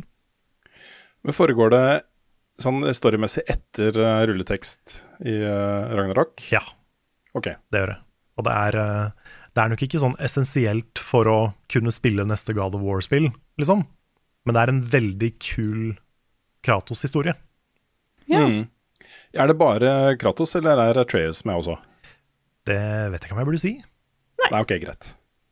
Men det, det er i hvert fall fokus på Kratos og hans liksom mentale reise, da, på en måte. Mm. Hvem han var, hvem han er. Og så har han Mimir med seg som, eh, som the ultimate buddy. Mm. Og det, det forholdet mellom de to også er veldig bra, syns jeg, i den delscenen her. Hvor uh, jeg, jeg husker ikke nøyaktig sitatet, men uh, et, på et tidspunkt så sier Kratos um, eh, if, if you disparage someone the way you disparage yourself, I would wish to hit you with an axe. ja, den er fin. Mm. Han er veldig, han er, Kratos har blitt så glad i Mimir, ikke sant? Ja, ja, ja, Det er så koselig. buddies, de. Det er buddies. Så um, det kan varmt anbefales. Mye kul historie og mye kule greier. Stå på lista. Ja, nice. um, også gått tilbake til Resident Evil 4 for å spille Separate Ways. Den nye, den nye DLC-en med Ada Wong spilte jeg ferdig Mhm. i jula. Uh, også kjempestas. Det har vært en sånn her Å, skal jeg tilbake til det spillet, og så skal jeg tilbake til det spillet, og tilbake til det spillet, og så bare alle de nye, alle de nye greiene på en gang. Så det har vært stas. Um, og det neste spillet på lista mi nå, som jeg skal spille, er Cyberpunk. Nice. Ikke Palworld? Nei, kanskje jeg titter innom Palworld, men det er fortsatt Early Access, ikke sant? Og det er Early Access, ja. Ok, Mm. greit. Ja. Ja, da er det lov å vente litt. Ja. Jeg er også så spent på hva du kommer til å synes om Cyberpunk, altså. Jeg er veldig spent sjøl. Jeg har jo sett Mm. mm. Svens spille en del, Ja. men uh, da var det jo mer fokus på, på stream og hans uh, punch throw-bild. Så um, jeg får, jeg får følge med litt mer på historien nå, den gangen her. Mm. Nei, jeg har jo eh, jeg har spilt mer Cyberpunk i jula, jeg også. Jeg har nå sett alle spillets endings, både i grunnspillet og i Phantom eh, Liberty. Oi. Og de drar i så forskjellige retninger, men er tematisk så knytta til det som har skjedd før, alle sammen. Alle de forskjellige sluttene. Um, og det, det var litt en opplevelse, altså. Uh, å bare få sett alt det spillet har å by på i, i uh, storyting og sånt. Så jeg må jo si at jeg har nok blitt noen av mine favorittendings på spillet, et par av de sluttene der, altså. Det er uh, dritbra. Og Det er kult å se hva du kan gå- glipp av ikke sant. Hvis du velger én retning på slutten her, og ikke går tilbake. Så bare det å vite hva du har eh, gått glipp av da, var en ganske stor ting for meg. Så um, jeg anbefaler nok å ta et par hard saves der, altså. For å eh, få muligheten til å se, se hvordan, eh, hvilken andre retninger historien kan ta. Har dere prøvd vann fra springen? Jeg har sett en ny TV-serie ja, nå, vet du. Dette albumet må dere høre. TV-spill er ganske stas. Det er en serie som foregår in space. YouTube.com der er det en kul nettside. Level Ups anbefaling. Det er klart vi har anbefalinger på lur når vi har vært vekke fra podkasten så lenge. Og jeg har lyst til å begynne med Carl, for jeg vet at du har eh, tenkt på å anbefale dette her så lenge nå. Det har jeg. Ja. Jeg, skal, jeg skal til og med demonstrere på midt i podkasten. Oi, oi, oi. Fordi dette er noe jeg fikk til jul. Jeg vet ikke om dere kan høre det, men eh, det jeg holder opp nå for dere, eh, det er en massasjepistol. Og det du gjør, er at du bare har den sånn Du kan ha den hvor som helst på kroppen. Og den Det er basically en bitte liten boksehanske som bare banker deg opp litt sånn forsiktig. Og det er faktisk veldig effektiv massasje. Jeg hadde masse problemer med liksom ryggen og nakken og sånn før jul. Eh, litt knuter jeg sleit med å få opp. Og denne her har vært en, eh, en life changer, altså. Så den er utrolig behagelig og veldig, veldig, veldig, veldig uh, effektiv. Så er det en veldig bra måte å få vibrato i stemme òg, hører jeg. Du kan få ganske bra vibrato i stemmen hvis du bare bruker den på riktig sted. Ja. Så Det kan være bra på andre måter også. Jeg skal ikke si noe. du kan, bruke den til, du kan helt sikkert bruke den til mye forskjellig. Mm. Men på den er ryggen og Ja, jeg kan i hvert Ja. fall, kan i hvert fall varmt anbefale å bruke den på nakken og ryggen. Ja. Så eh, jeg- kanskje topp ti julegaver jeg noen gang har fått, altså. Ikke verst. Life changing. Mm. det. Eh, Jeg vil si at det, her går det opp fra eh, jeg, fra eh, Det er mye life-changing ting vi kan komme med her i podkasten. Så eh, dere kan få et eh, Tenk så mye eh, Tenk så bra livet til folk kan, bli nå når vi kommer med sånne anbefalinger. som dette. Ikke sant? Mm. Hvis du tar Mm, alle det- våre livsforbedrende anbefalinger på en gang. Ja, sant. Du, du har tomatbåndet til frokost, og så lager du ei toast til lunsj, og så eh, fikser du eh, Nakken Eh, etterpå. nakken etterpå. Mm. Mm. Men kan jeg stille deg spørsmål, Carl? Ja. Uh, disse massasjepistolene, er det sånn at de må være forma som veldig store peniser? Eller kan de være forma som andre ting også? Jeg syns jo egentlig det ligner mer på hårfønere, da. Men uh, det kommer jo litt an på øyet som ser. Ikke sant? Men de, de som hører på podkasten, de eh, visste jo ikke hvordan så ut. ikke sant? Nei, jeg vet det. Jeg bare tenkte jeg skulle Du får jeg- helt altså- sikkert de veldig fine former eh, ellers også. Altså. For jeg vet, det finnes jo sånne der, sånn, Du har jo sånn massasjestol og sånne ting som skal liksom kna litt. Jeg har aldri helt sett for meg at det kan faktisk funke. Men den her funker Funker bra. Den funker. Den er mye mer, det er mye mer trøkk i den enn jeg trodde. Ja. Så du, hvis du liksom holder den skikkelig sånn hardt inntil, inntil deg, så får du bank. Det er skikkelig sånn power. Sånn Ja. fisting, liksom. Yes. Good. Uh. Kan jeg ta den anbefalingen, jeg også? Ja, altså, det kan ja, ja, ja. For jeg har, jeg har sett så mye og sånt. Jeg skal ikke ta, snakke mye om alt. Så jeg, så jeg har en liste Mm. med ting jeg har sett og, og, siden sist, da. Mm -hmm. uh, av de tingene som er eh, viktig å nevne. Eh, Jeg starter med sesong to av Reacher. Som har eh, et av de beste dataspillrelaterte quotesa jeg har eh, hørt noen gang. Eh, jeg, digger den serien. Selv om den ikke er liksom bra-bra, så er den veldig eh, severdig. Eh, sesong fem av Fargo er knallbra. Knallbra. Den eh, ja, eh, anbefaler jeg. Uh, sesong fire av True Detective har begynt å gå. Jeg må si at jeg er ikke superfan av første episoden. Det er den eneste som er ute. Det er bare én episode som er ute nå. Eh, den lener veldig hardt inn i sånn X-Files-vibe. og jeg er ikke helt sikker på om jeg liker at, eh, at den gjør det. Men vi får se. Det er mange episoder igjen, så det kan, kan hende at jeg snur på den. Eh, sesong tre av Happy Valley er altså så nydelig. Ja, den Dette er jo, eh, ikke sant? Dette er jo krim som tar seg god tid. Og du er egentlig ikke klar over hvor godt du, lik, du liker det før det har gått noen episoder, og du er så eh, engasjert i det som skjer, da. Mm. Og blitt så glad i disse rollefigurene og, og så spent på hvordan det går. Så det er en sånn slow burn Ja. som virkelig Ja. Det er også den serien jeg har sett som viser best hvor stressende det er å være kriminell. Mm, Det er sånn, De har det ikke så bra, de slemme, i den, i den serien de her. har ikke det. De har det, ikke det det. er alle tre sesongene så er det sånn Det er liksom Mm. mye fokus på en eller annen som har gjort noe gærent, og bare virkelig havner i dritten. Mm. Og så har jeg sett en veldig veldig flott film på kino. Den går fortsatt på kino. Anbefaler den eh, på det varmeste. Den heter Past Lives. Um, det handler om um, et, også to venner som er vokst opp i Sør-Korea. som, um, Hvor hun flytter da til USA, og han blir igjen. Og så møter de igjen 20 år seinere. Um, den, det er også veldig sånn langsom film med veldig mye undertoner og uh, uh, mellom linjene-ting. Men den er også så nydelig, den filmen også. Så den var jeg så med kona. Og så har jeg hatt en serie med filmer som gjør litt vondt. Og det var litt gøy, for jeg så de sånn back to back. Um, Først så, så jeg 'Triangle of Sadness', som er en litt eldre film.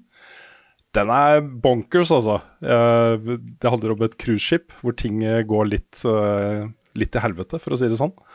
Um, utrolig sterk film. Uh, jeg så 'Midsommer', som klatrer opp på lista over eh, all time favorittfilmer. En uh, skrekkfilm satt til da midtsommerfest i en kult i Sverige. Den går også til steder som gjør litt vondt. Og ikke minst da, dette er jo min egentlige anbefaling. Um, dette var en film som ble lansert på Netflix 22. desember. En perfekt julefilm, nemlig Saltburn. som, eh, som også er sånn derre det, altså, det er så weird og så rart og annerledes og etter hvert ganske ubehagelig å se på. Men, eh, men for, en, eh, for en film, altså. Utrolig gode skuespillerprestasjoner. Veldig, veldig god historie. Og ikke minst en sånn derre Den lener mot ting som skal være litt vondt å se på hele tiden. Eh, og det gjorde så godt å se den filmen også. Jeg likte den kjempegodt. Det, det er en, en av de beste jeg så i eh, Jeg så den jo i år, da. Så, men det hadde vært på en, eh, en toppliste for fjoråret hvis jeg hadde sett den før nyttår. Men Saltburn også, det er litt av en film.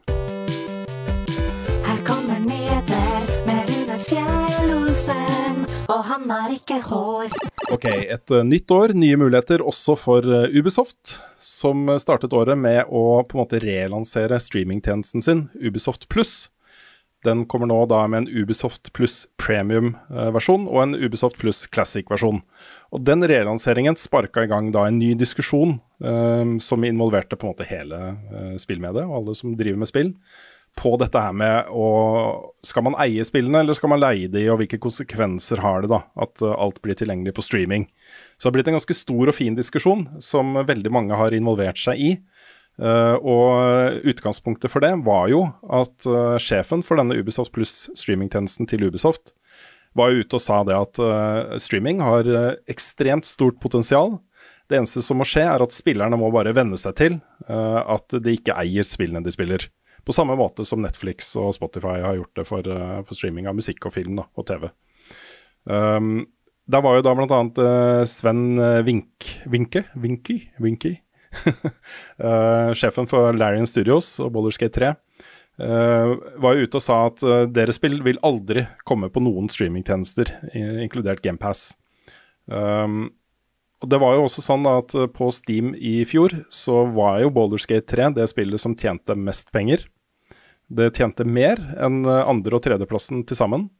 Eh, andre- og tredjeplassen var Hogwarts Legacy og Starfield.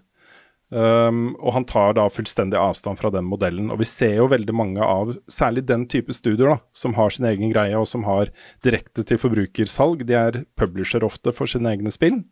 Uh, at uh, inntjeningsmodellen er uh, bedre hvis de, de kan gjøre det, enn hvis de får bare en, en sånn pott, en altså en kjøpssum, for at den skal være tilgjengelig på streamingplattformen, og kanskje da en prosentandel av uh, spillinger uh, i bakhånd.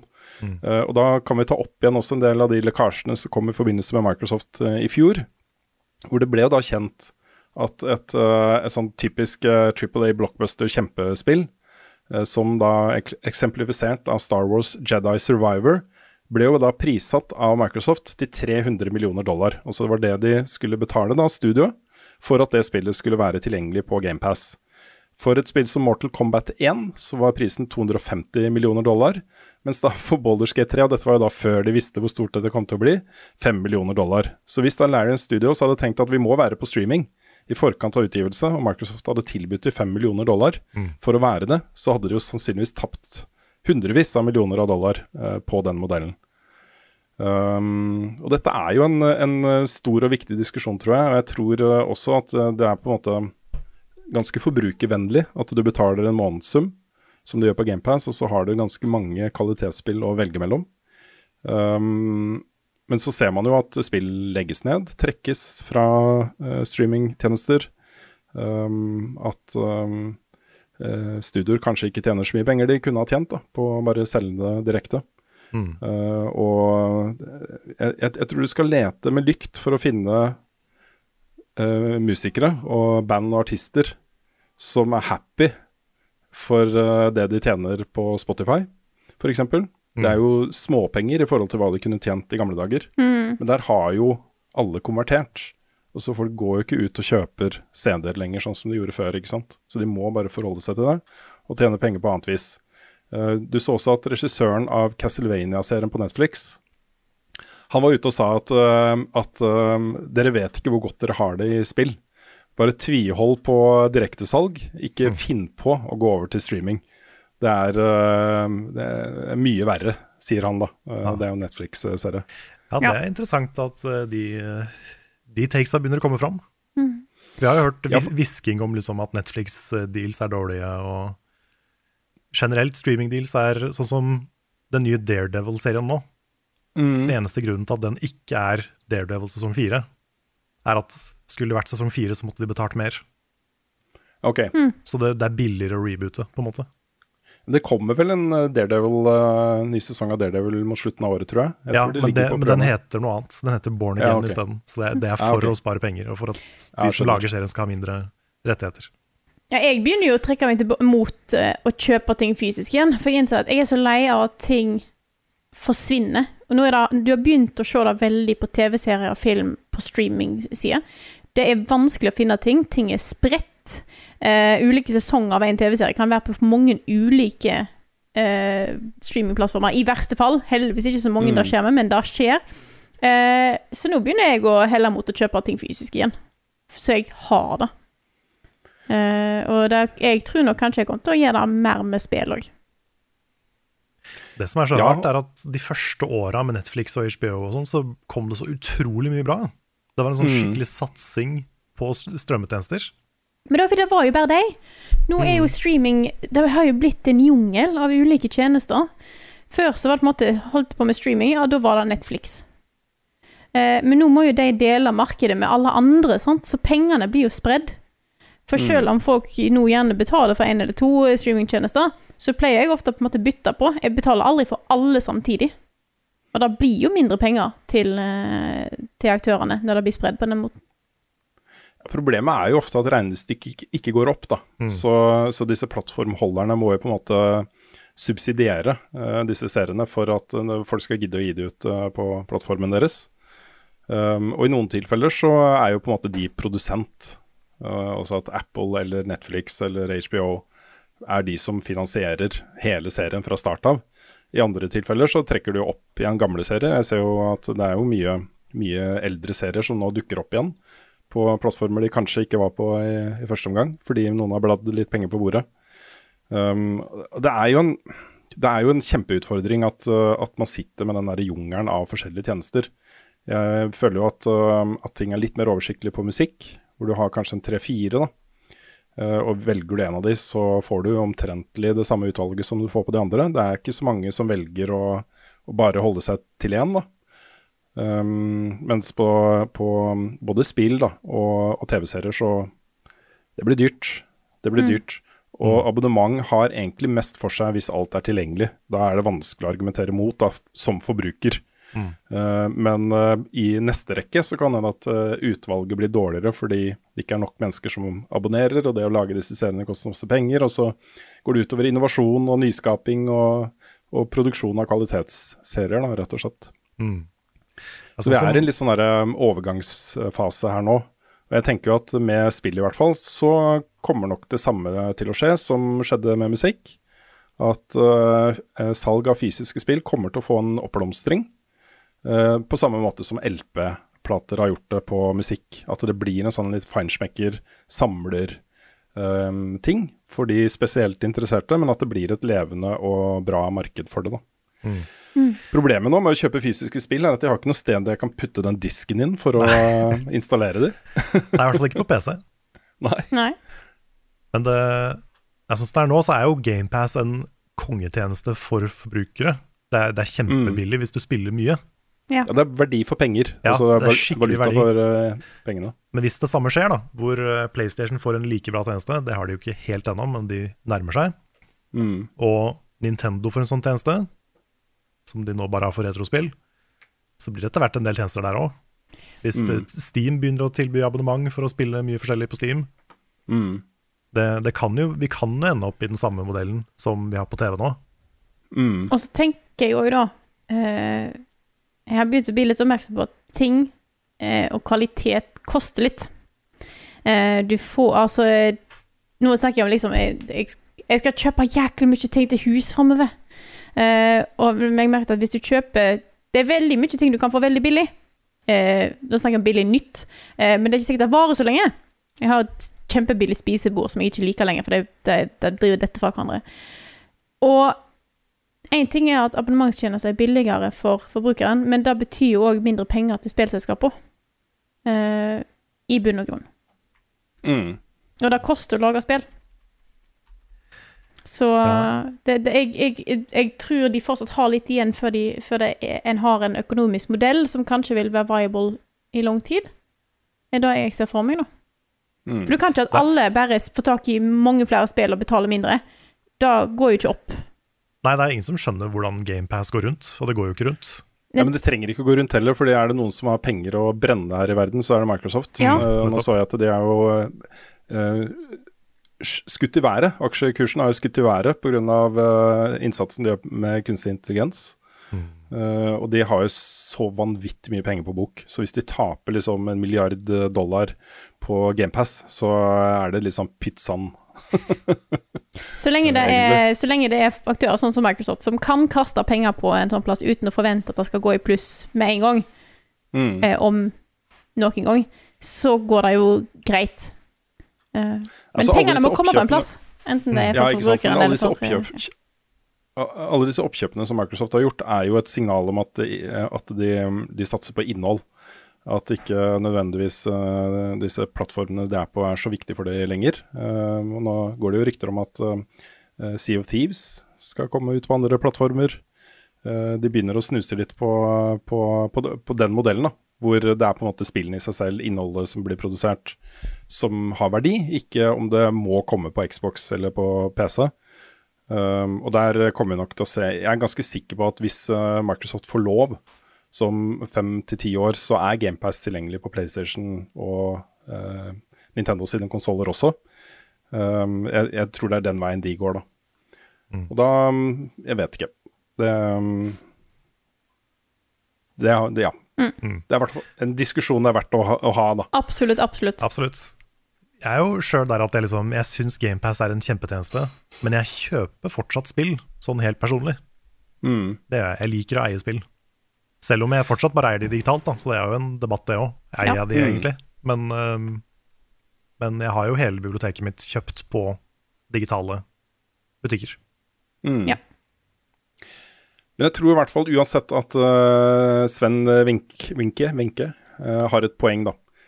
Uh, jeg tror sånne studier som Larian og Hello Games og disse her hva skal vi si, mid-tier trippel A-studiene, de som eier sine egne greier, som, ikke er, som er uavhengige, de vil fortsatt kunne selge direkte til forbruker og direkte til spillerne og tjene um, ekstra mye penger, fordi de ikke trenger å forholde seg til uh, publiseringspartnere på, på uh, som da GamePass, f.eks. Ja, det er jo en risikovurdering. Skal jeg ta noen garanterte penger nå, eller eh, håpe på en braksuksess seinere? Mm, det er akkurat det. Vi må fortsette med litt uh, mer litt sånn grums. Eh, vi snakka om dette på tampen av fjoråret også. Det var jo et eh, veldig bra år for spill. Et ikke fullt så bra år for de som lager disse spillene. Eh, anslagsvis eh, over 7000 spillutviklere over hele verden ble sparka i 2023. Og den trenden har fortsatt, fortsatt da, eh, med full styrke inn i 2024. Det er da anslag på at eh, rundt 3000 spillutviklere har fått sparken så langt i år allerede. Ja, halvveis ut i januar. studier. Ja, og det er nedskjæringer overalt. Dette er jo på en måte nedgangstider som forplanter seg ut i, um, i uh, de forskjellige studiene. Mye av dette her er rett og slett bare forberedelse på nedgang i inntekter. At de um, ser det potensielt komme, og vil stå sterkere hvis det skjer. og sånn sett uh, litt sånn vanskelig å svelge, da. At um, man sitter igjen med milliardoverskudd og høye lederlønninger, og så får folk allikevel uh, sparken. Da. Ja, så var det jo storinvestering på spill under pandemien. Eh, Mm. Masse penger inn til spillmediet da, som nå har begynt å tørke opp. Ja. Så det skal vi også følge da utover året. Flere triste nyheter. The Gathering 2024 er avlyst. Uh, og fjorårets The Gathering var jo det første TG som ble arrangert på mange år pga. pandemien. Ja, fysisk i hvert fall. Fysisk, ja. Uh, og da var det jo en ganske kraftig nedgang i antall deltakere. Dette har jo vært et arrangement som har tiltrukket seg over 5000 uh, betalende deltakere. I fjor var det eh, eh, rundt 3000. Eh, og billettsalget til årets har vært såpass dårlig at eh, Kandu bestemte seg for å avlyse. Nå sier de at de, de håper på og prøver på å komme tilbake igjen neste år. Da. At ikke det er over for godt for TG. Men uh, det er en litt, uh, litt sånn tegn i tiden det der også. Du så det samme skjedde med Arkadehaller f.eks. Da folk begynte å få konsoller hjemme, så slutta det å gå i Arkadehallene, og så forsvant de. Uh, store LAN-parties. Folk har jo LAN-parties hver eneste dag over Discord med kompisene sine, ikke sant. Og um, ikke minst da, dette her er jo litt sånn skummelt å si høyt, men uh, det er ikke noe tvil om at mye av grunnen til at så mange var på TG, var at det der var jo alt tilgjengelig av TV-serier og filmer og spill og musikk og alt mulig rart, ikke sant. Det var jo um, bare det å logge seg på maskiner og se ja, hva slags filmer er det som er her da, er det noen jeg ikke har sett? Og så dra tilbake igjen med flerfoldige gigabyte med stæsj. Ja, Obskure filmer og TV-serier og ting og tang. Alt mulig rart. Ja. Og, og det behovet er jo ikke til stede lenger i det hele tatt eh, for folk flest, da. Nei. Samtidig så tror jeg jo at de er i stand til å øh, komme seg på beina igjen. Jeg vet, TG er så viktig for så mange. Ja, det er det. Litt sånn som SpillExpo har blitt viktig for veldig mange. Ja. Så er det sånn, jeg, tror fortsatt liksom de fysiske eventene har en plass. da. At kanskje om de må nedskalere litt, så kanskje, men, men jeg, jeg tror liksom at TG står så, står så sterkt i Norge. Ja, det, for, for min del så spørs det litt hvor, eh, hvor eh, gira det er på å tviholde på Vikingskipet som arena, og fylle hele den, den hallen der med folk. For jeg, jeg tror kanskje det er eh, den tiden hvor man kunne gjøre det. 5000 pluss deltakere i Vikingskipet. Eh, jeg tror det blir vanskelig å komme tilbake dit. Det, det tror jeg. Men å ha et arrangement hvor det er noen tusen, si 2000, 1000, 2000, 3000, som kommer eh, for å eh, nerde sammen, det tror jeg absolutt det er rom for, altså. Så eh, spørsmålet er kanskje hvor viktig Vikingskipet er for, for Kandu. Det, Mm. Kanskje. Vi har fått en eh, hyggelig nominasjon til Tesla Grad 2, dette norske spillet, eh, som er nå nominert til en Annie Award eh, for beste character animation eh, i videogames. Og Annie Awards er en litt sånn ukjent eh, prisutdeling for meg. Eh, men det er en priskåring som går til både animasjonsfilm og TV-serier eh, og spill. Dette handler om på en måte det kreative yrket animasjon og, og eh, 3D og eh, sanne ting, liksom. Um, det er også litt sånn uh, De er jo nominert da sammen med uh, Spiderman 2, Atomic Heart, Hogwarts Legacy og et spill som jeg ikke vet hva er engang, som heter Let's Revolution. Dette er en fagpris, en fagpris, og derfor så kanskje litt, uh, litt sånn jeg burde, ikke, jeg burde ikke Alan Wake 2 eller det var- det er mange andre spill som er godt animert, som kanskje hadde fortjent en plass sammen med disse, da.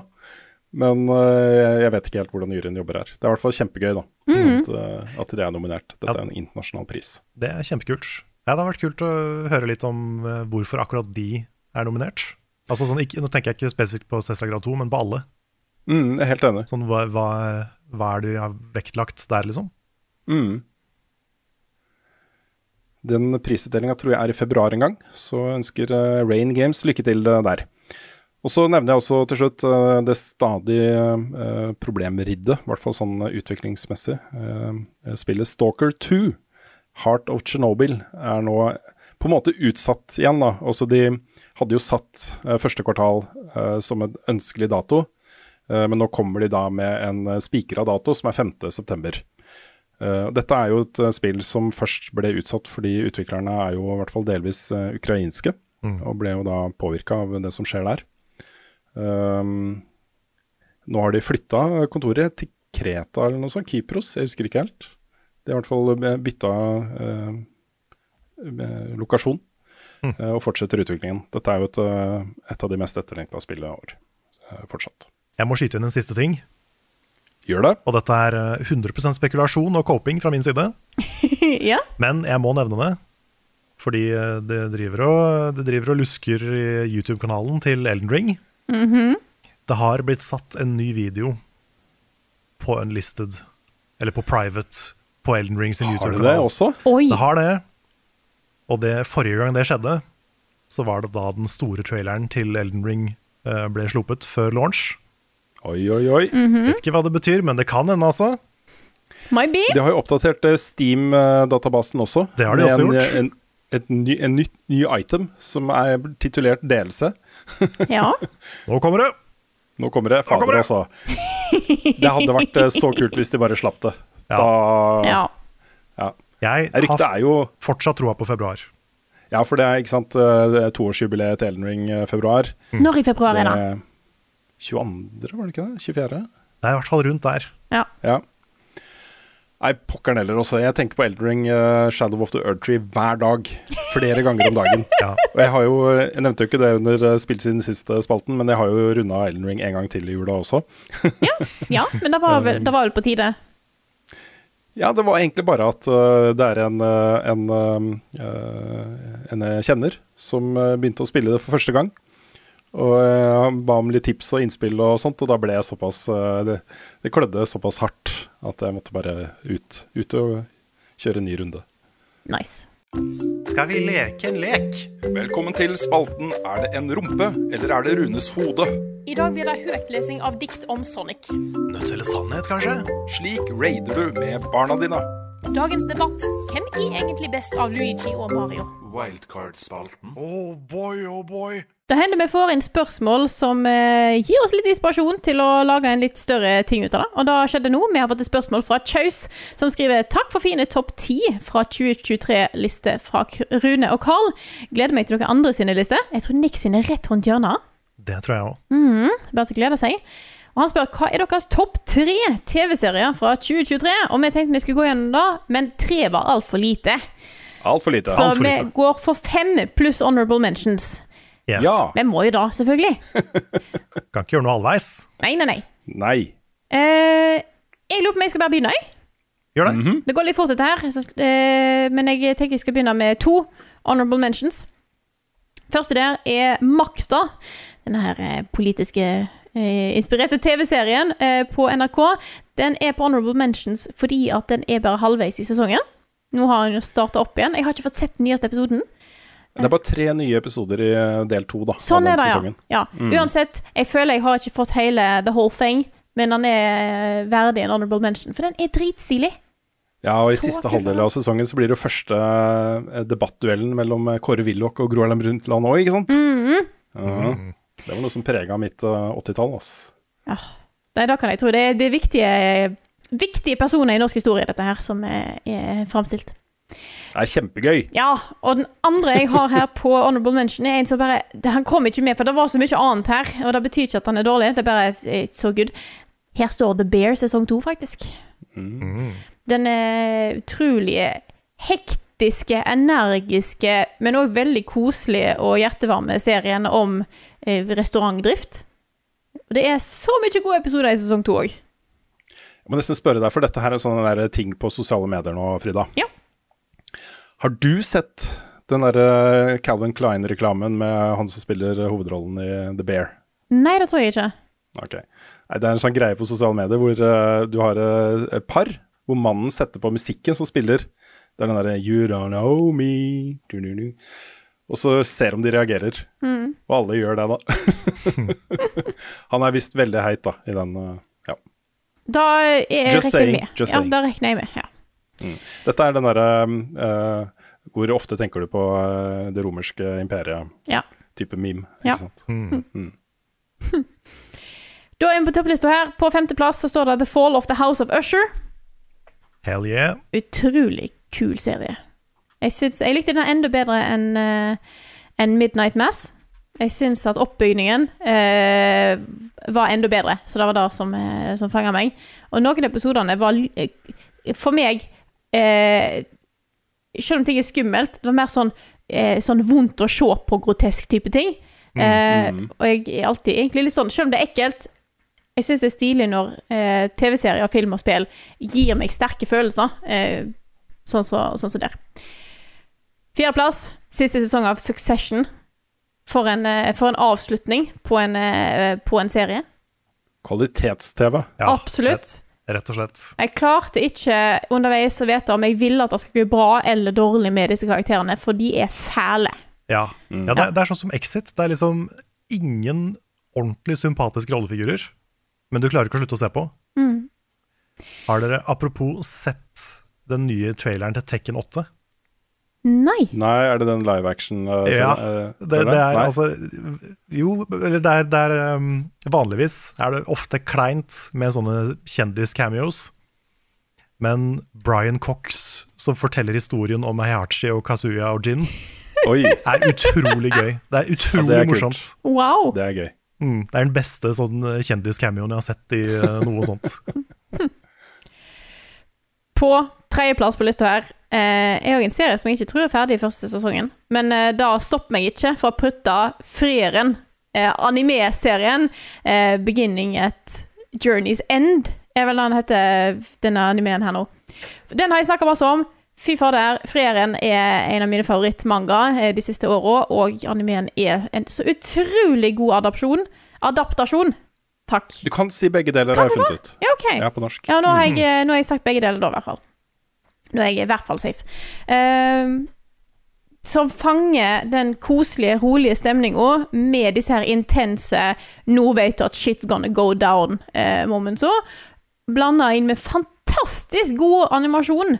Eh, jeg har snakka om den ene jakkescenen før en gang. Eh, men det er en scene der de egentlig bare tar på seg en jakke. Bare sånn, Dette er det best animerte jeg noen gang har sett. Eh, og det er helt ko-ko. Så fantastisk serie. Jeg elsker den serien, eh, og jeg eh, gleder meg til å se mer av den.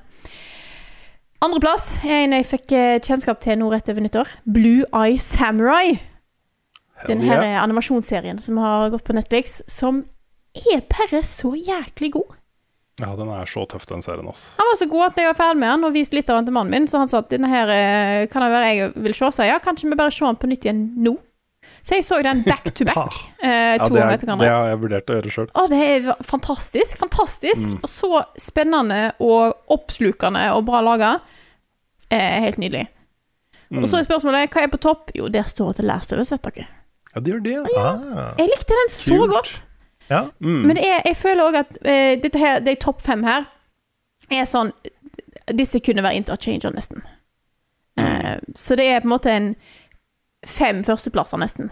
Uh, Mm. Jeg syns The Last of Us var en så fin serie, uh, og en så verdig måte å vise frem den historien på. Så uh, Mm. derfor står, står den øverst, i hvert fall akkurat i dag. Og det var i dag lyst til å skulle først. så sånn er det bare. Nice, nice. Yes. Kan jeg, ta ta, kan jeg ta neste? Yes. Kjør på. Da gjør jeg det. Jeg har eh, fem honorable mentions, så du kan nesten kalle det en topp ti. Ja. Men jeg skal være kjapp med de, de fem nederste. Der har jeg honorable mention Ted Lasso sesong tre. En eh, flott avslutning på Ted Lasso. The Last of Us har jeg på honorable, honorable, honorable mention. Mm. Pokerface. Og den har jeg ikke fått sett. Den er kjempebra. Den er veldig, veldig bra. Mm. Tilbake til sånn episodisk eh, Mystery of the Week-opplegg. Kult. Men på en måte som funker. Ja. Uh, shrinking har jeg på honorable mention. Mm. Og faktisk ikke på topp fem Succession. Ja. Og den burde vært på topp fem, sånn rent kvalitetsmessig. Men uh, det er andre ting som uh, treffer meg enda hardere enn enn den. Skjønner. Så på femteplass har jeg siste sesong av Sex Education. Ja! Ja, den har jeg heller ikke fått sett ennå. Den, Den er, den er ikke perfekt, men den er veldig, veldig fin. Mm. Den, eh, den avslutter serien på en fin måte, syns jeg. Ja, for det er konkluderer, liksom. De Ja, veldig, veldig konkluderende. Mhm. Og um, tar opp mange gode temaer og er veldig morsom. Er liksom alt det Sex Education skal være. Jeg syns det er så gøy å se de skuespillerne i den serien. De uh, har jo blitt sånne ins... eh, hva heter det? De, de sånn kult, kulthelter, kultfavoritter, som trekkes opp igjen og har fått på en måte en oppblomstring av karrierene sine uh, i andre serier og sånne ting. De dukker jo opp overalt nå. Ja, ja. Han ene skal jo bli uh, The Doctor i Doctor Who. Ja. Stemmer. Mm. Og så hun, eh, hun som eh, lager kaker. Hvem er det hun Jeg husker ikke hva hun heter. Amy. Ja, det kan stemme. Mm. Hun er, hun er visstnok med i nye sesongen av White Lotus. Oi. Mm. Det er Og så er det mange av de som dukker opp i Barbie. Ja, flere av de var i Barbie. Absolutt. Absolutt. Det er sant. På fjerdeplass har jeg Silo. Yeah. Ja, åh. Jeg, eh, jeg vurderte å ha den der, men det meste, jeg, jeg likte bøkene enda bedre. Så derfor var det litt Mm, sånn å slippe ut den der. Jeg må få lest de bøkene. Mhm. Men eh, herregud, for en cliffhanger. Jeg vil ha mer Silo nå, og det kommer til å ta lang tid før vi får mer Silo, så det er litt Ja. eh, hjerteskjærende. Men utrolig kul sånn mysterieserie som uh, hooka meg ganske tidlig, Mm. og som jeg fortsatt, er, jeg fortsatt går og tenker på. Rebecca Ferguson er uh, kvalitetsskuespiller, altså. Mm. Jeg, jeg blir sånn der, Alt hun er med i, jeg bare syns hun er så hun, tilstedeværende. Altså, Det blir ordentlig Jeg, jeg liker henne kjempegodt. Hun ligner litt på hun norske, som jeg alltid glemmer hva heter. Agnes Kittelsen? Er det hun jeg tenker på? Kanskje? Det er mulig jeg blander, men jeg lurer på om det er hun jeg tenker på. Ok. Men uh, veldig, veldig kul serie. Tredjeplass har jeg The Fall of the House of Usher, Mm. som uh, også var på, på grensen til too much for meg et par steder. Litt, litt for skummel, litt for uh, Spesielt én episode som er sånn derre øh, dette, dette var faktisk litt uh, ekkelt. Ja, jeg har en, en der, ja. Yes. Ja. Det er en person som får noe i huet, og det Jeg har aldri sett det skildra så ubehagelig før. Nei. Men, um, men veldig, veldig bra serie. Eh, veldig spennende. Veldig weird og eh, full av fu- Full av mysterier. Det er stas. På andreplass Barry, sesong fire. Mm. Slutten på Barry. Også en helt vilt bra serie. Ja, den er kjempebra. Og starter som én ting, blir en helt annen ting. Ikke forberedt på hvor, hvor dyster og mørk den skulle bli, men eh, beholder fortsatt den derre det er det rare, morsomme universet som Barry er satt i. Mm. Samtidig som det er sylskarp satire av veldig mye forskjellig. Mm. Så konge. Eh, kongeavslutning på Barry. Og på førsteplass, det er ingenting som har treffet meg så hardt, som har fått meg til å le og cringe og det ene og det andre, så mye som How To with John Wilson. Ja. Kaprer førsteplassen for 2023. Kult. Dette er eh, små minidokumentarer filma av en fyr som heter John Wilson, som har gått rundt i New York, filma random mennesker, fulgt sånne tilfeldige rabbit holes med rare mennesker som han finner og intervjuer. Blir tatt med på de sjukeste ting. En fyr som mener at han kan strekke forhuden sin tilbake på tissen. En fyr som um, uh, Ja, det, det, det, er så mye, det er så mye rart. Og han, han møter det med en sånn naturlig nysgjerrighet, på en måte. Selv om det er galskap. Han snakker med folk som skal fryse seg ned for å, ikke, for å leve evig. Han snakker med um, En episode som er en veldig fin introduksjon, det er uh, How to split the check. Hvor du liksom Han har, han har filma folk som skal gjøre opp etter de har vært ute og spist middag. Og liksom triks folk bruker for å slippe å betale og sånn. Og for å finne ut den mest um, Den mest rettferdige måten å, å splitte regningen på, så har han funnet en dommerkonferanse med fotballdommere. Så han tenker at disse folka må vite hva som er rettferdig. Ja. For det er ekte folk, det er sant? Dette er ekte folk, Ja. og, og ting som skjer på den dommerkonferansen, det, det er bare så morsomt. Jeg kan, jeg, det er flere episoder som jeg har sittet og grinet av, liksom. Og det er en sånn herlig kombinasjon av humor og kleinhet, og litt sånn ektefølte ting inni der. Den blir litt real, og den blir litt sånn søt noen ganger. Han er en veldig rar fyr, han John Wilson. Mm. Um, så uh, varmeste TV-anbefaling jeg kommer med akkurat nå, det er How to with John Wilson. Hvor er det den fins igjen? HBO. Den er på HBO, ja. Mm. Kult. Skal jeg ta min eh, liste? Yes. Kjør på. Jeg har eh, enda flere honorable mentions. Jeg må bare begynne med å si at eh, jeg har også The Last of Us eh, der. Og Det er litt sånn samme som med deg, Frida. Er at jeg elsker serien. Eh, det er et par av de episodene som er helt der oppe, ti av ti. eh, amazing, kjempebra. Noe av det beste jeg har sett på TV. Men alt i alt så liker jeg spillet bedre, um, sånn totalt sett, liksom. Så det kom ikke på topp fem. Det hadde kommet på en topp ti, eh, men ikke på topp fem. Så nevner jeg kjapt de andre. Fargo sesong fem. Knallbra. Barry sesong fire, allerede snakka om. Beef var kjempebra. Uh, dritbra, rett og slett. Happy Valley har vi snakka om tidligere. Uh, For All Mankind sesong fire starter litt treigt, tar seg fryktelig opp etter hvert. Uh, og The Fall of the House Usher er mine honorable mentions. Og da på femteplass, helt oppe på femte, har jeg makta. Jeg elsker den serien. Det er så befriende å se de gjøre disse grepene de gjør. Med at uh, Einar Førde spilles av en fra Iran, f.eks. Men de tar vare på liksom personligheten hans allikevel. da. Eh, at det er filma i nåtiden, og de later som bare det er 70- og 80-tallet. Det er masse greier der. At de avbryter scener og diskuterer ja, men kan vi gjøre det sånn da. Ville de, ikke sant. Det det er, jeg elsker den serien. Altså. Det er kjempebra. På fjerdeplass har jeg Silo. Eh, Du hadde vel også på fjerde, Karl? Stemmer. Mm. Dritbra. Eh, jeg har Succession da på tredjeplass. Det er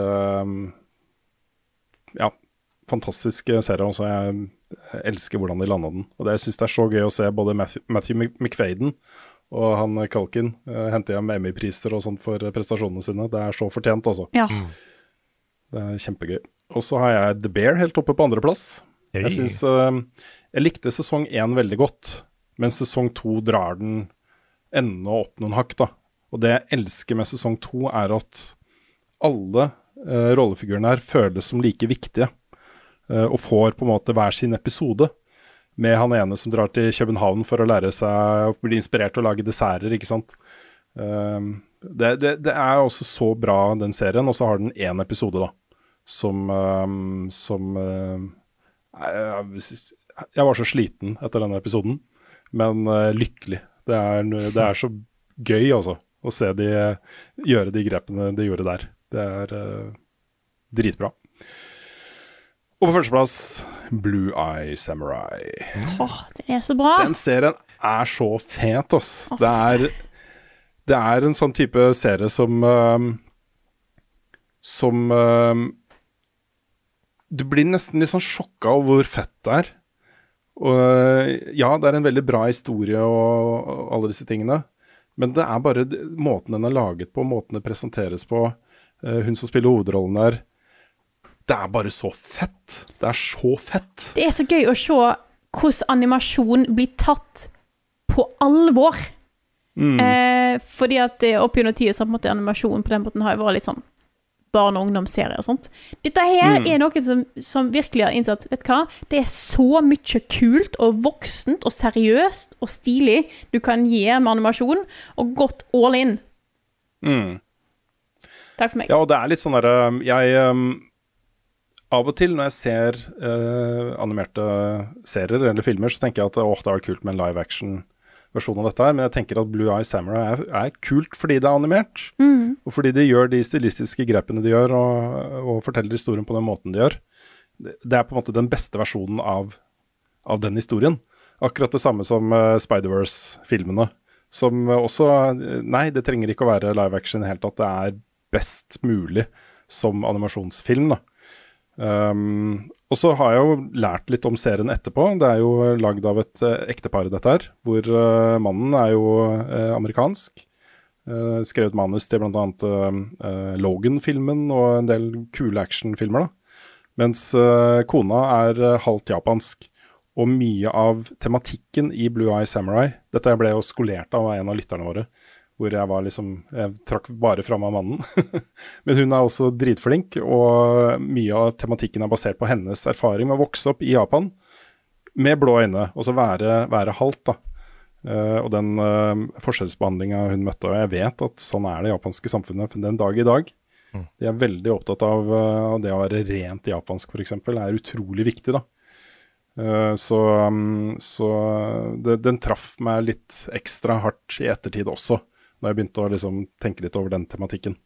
Dette foregår på 1600-tallet, og er jo i den perioden hvor Japan var på sitt desidert mest rasistiske. De stengte jo grensene. Du fikk ikke lov til å være utlending i Japan i det hele tatt. Ah, Eh, og så sirkler jo da historien rundt uh, disse uh, kriminelle vestlige som kommer inn og smugler varer og våpen og sånne ting.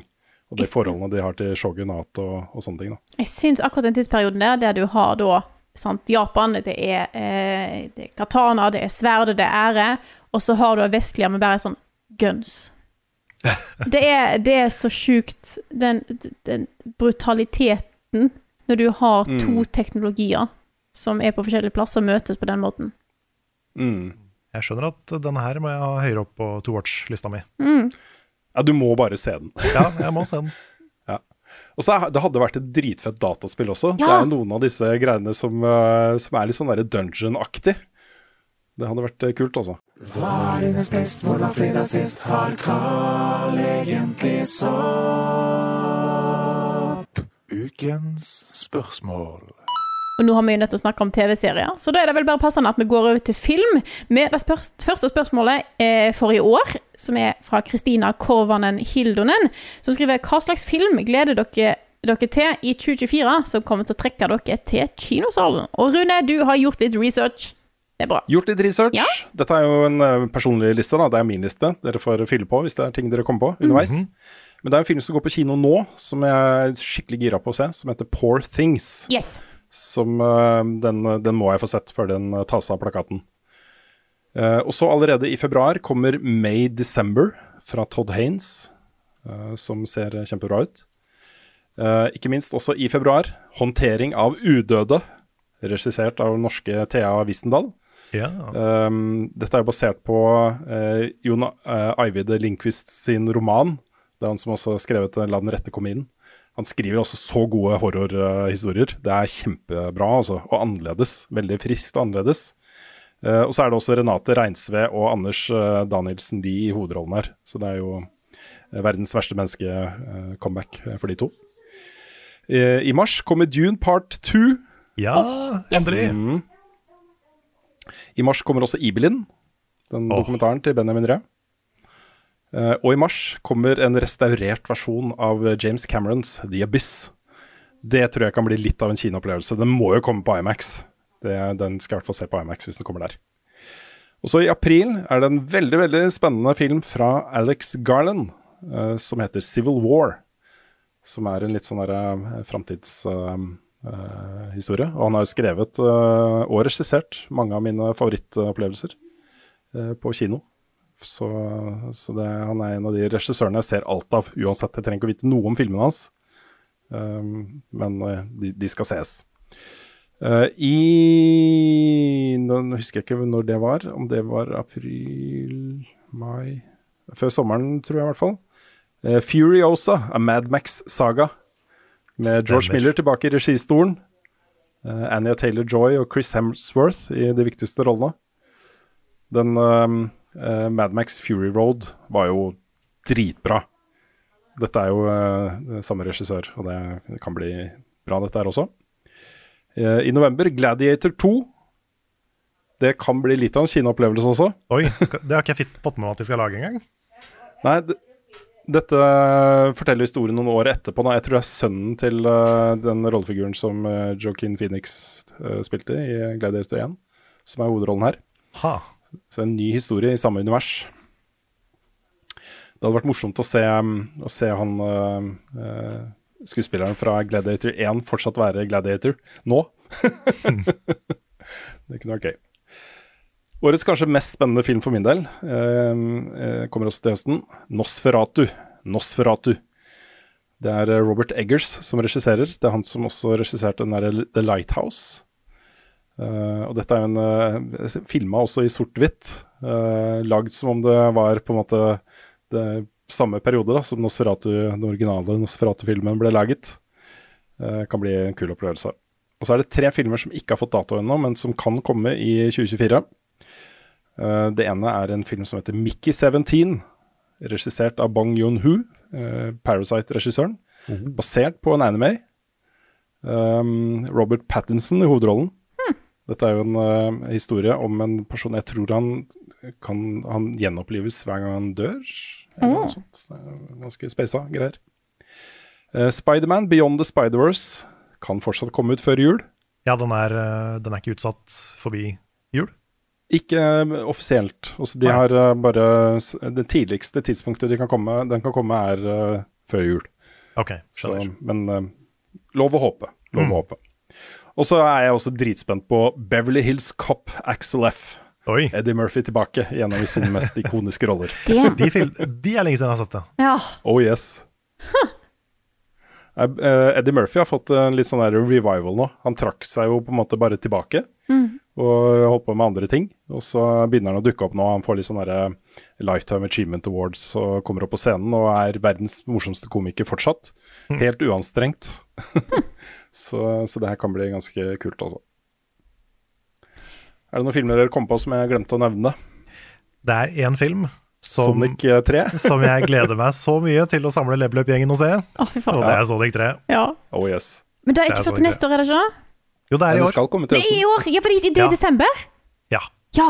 Å, fy faen. Det er helt sjukt. Det blir det, kan ikke vi gjøre det til liksom level up julebord eller noe sånt Jo, i år? da Hvor må vi bare faktisk. samles, og så ser vi Sonic, og så går vi og spiser. Jeg er med. Jeg må få sett uh, nummer to uh, først. Mm. Men, uh, Ja, jeg tipper jo du kommer deg fort inn i handlingen, men, men ba, bare liksom det jeg har hørt, at dette liksom kanskje blir en filmati filmatisering av Sonic Adventure 2.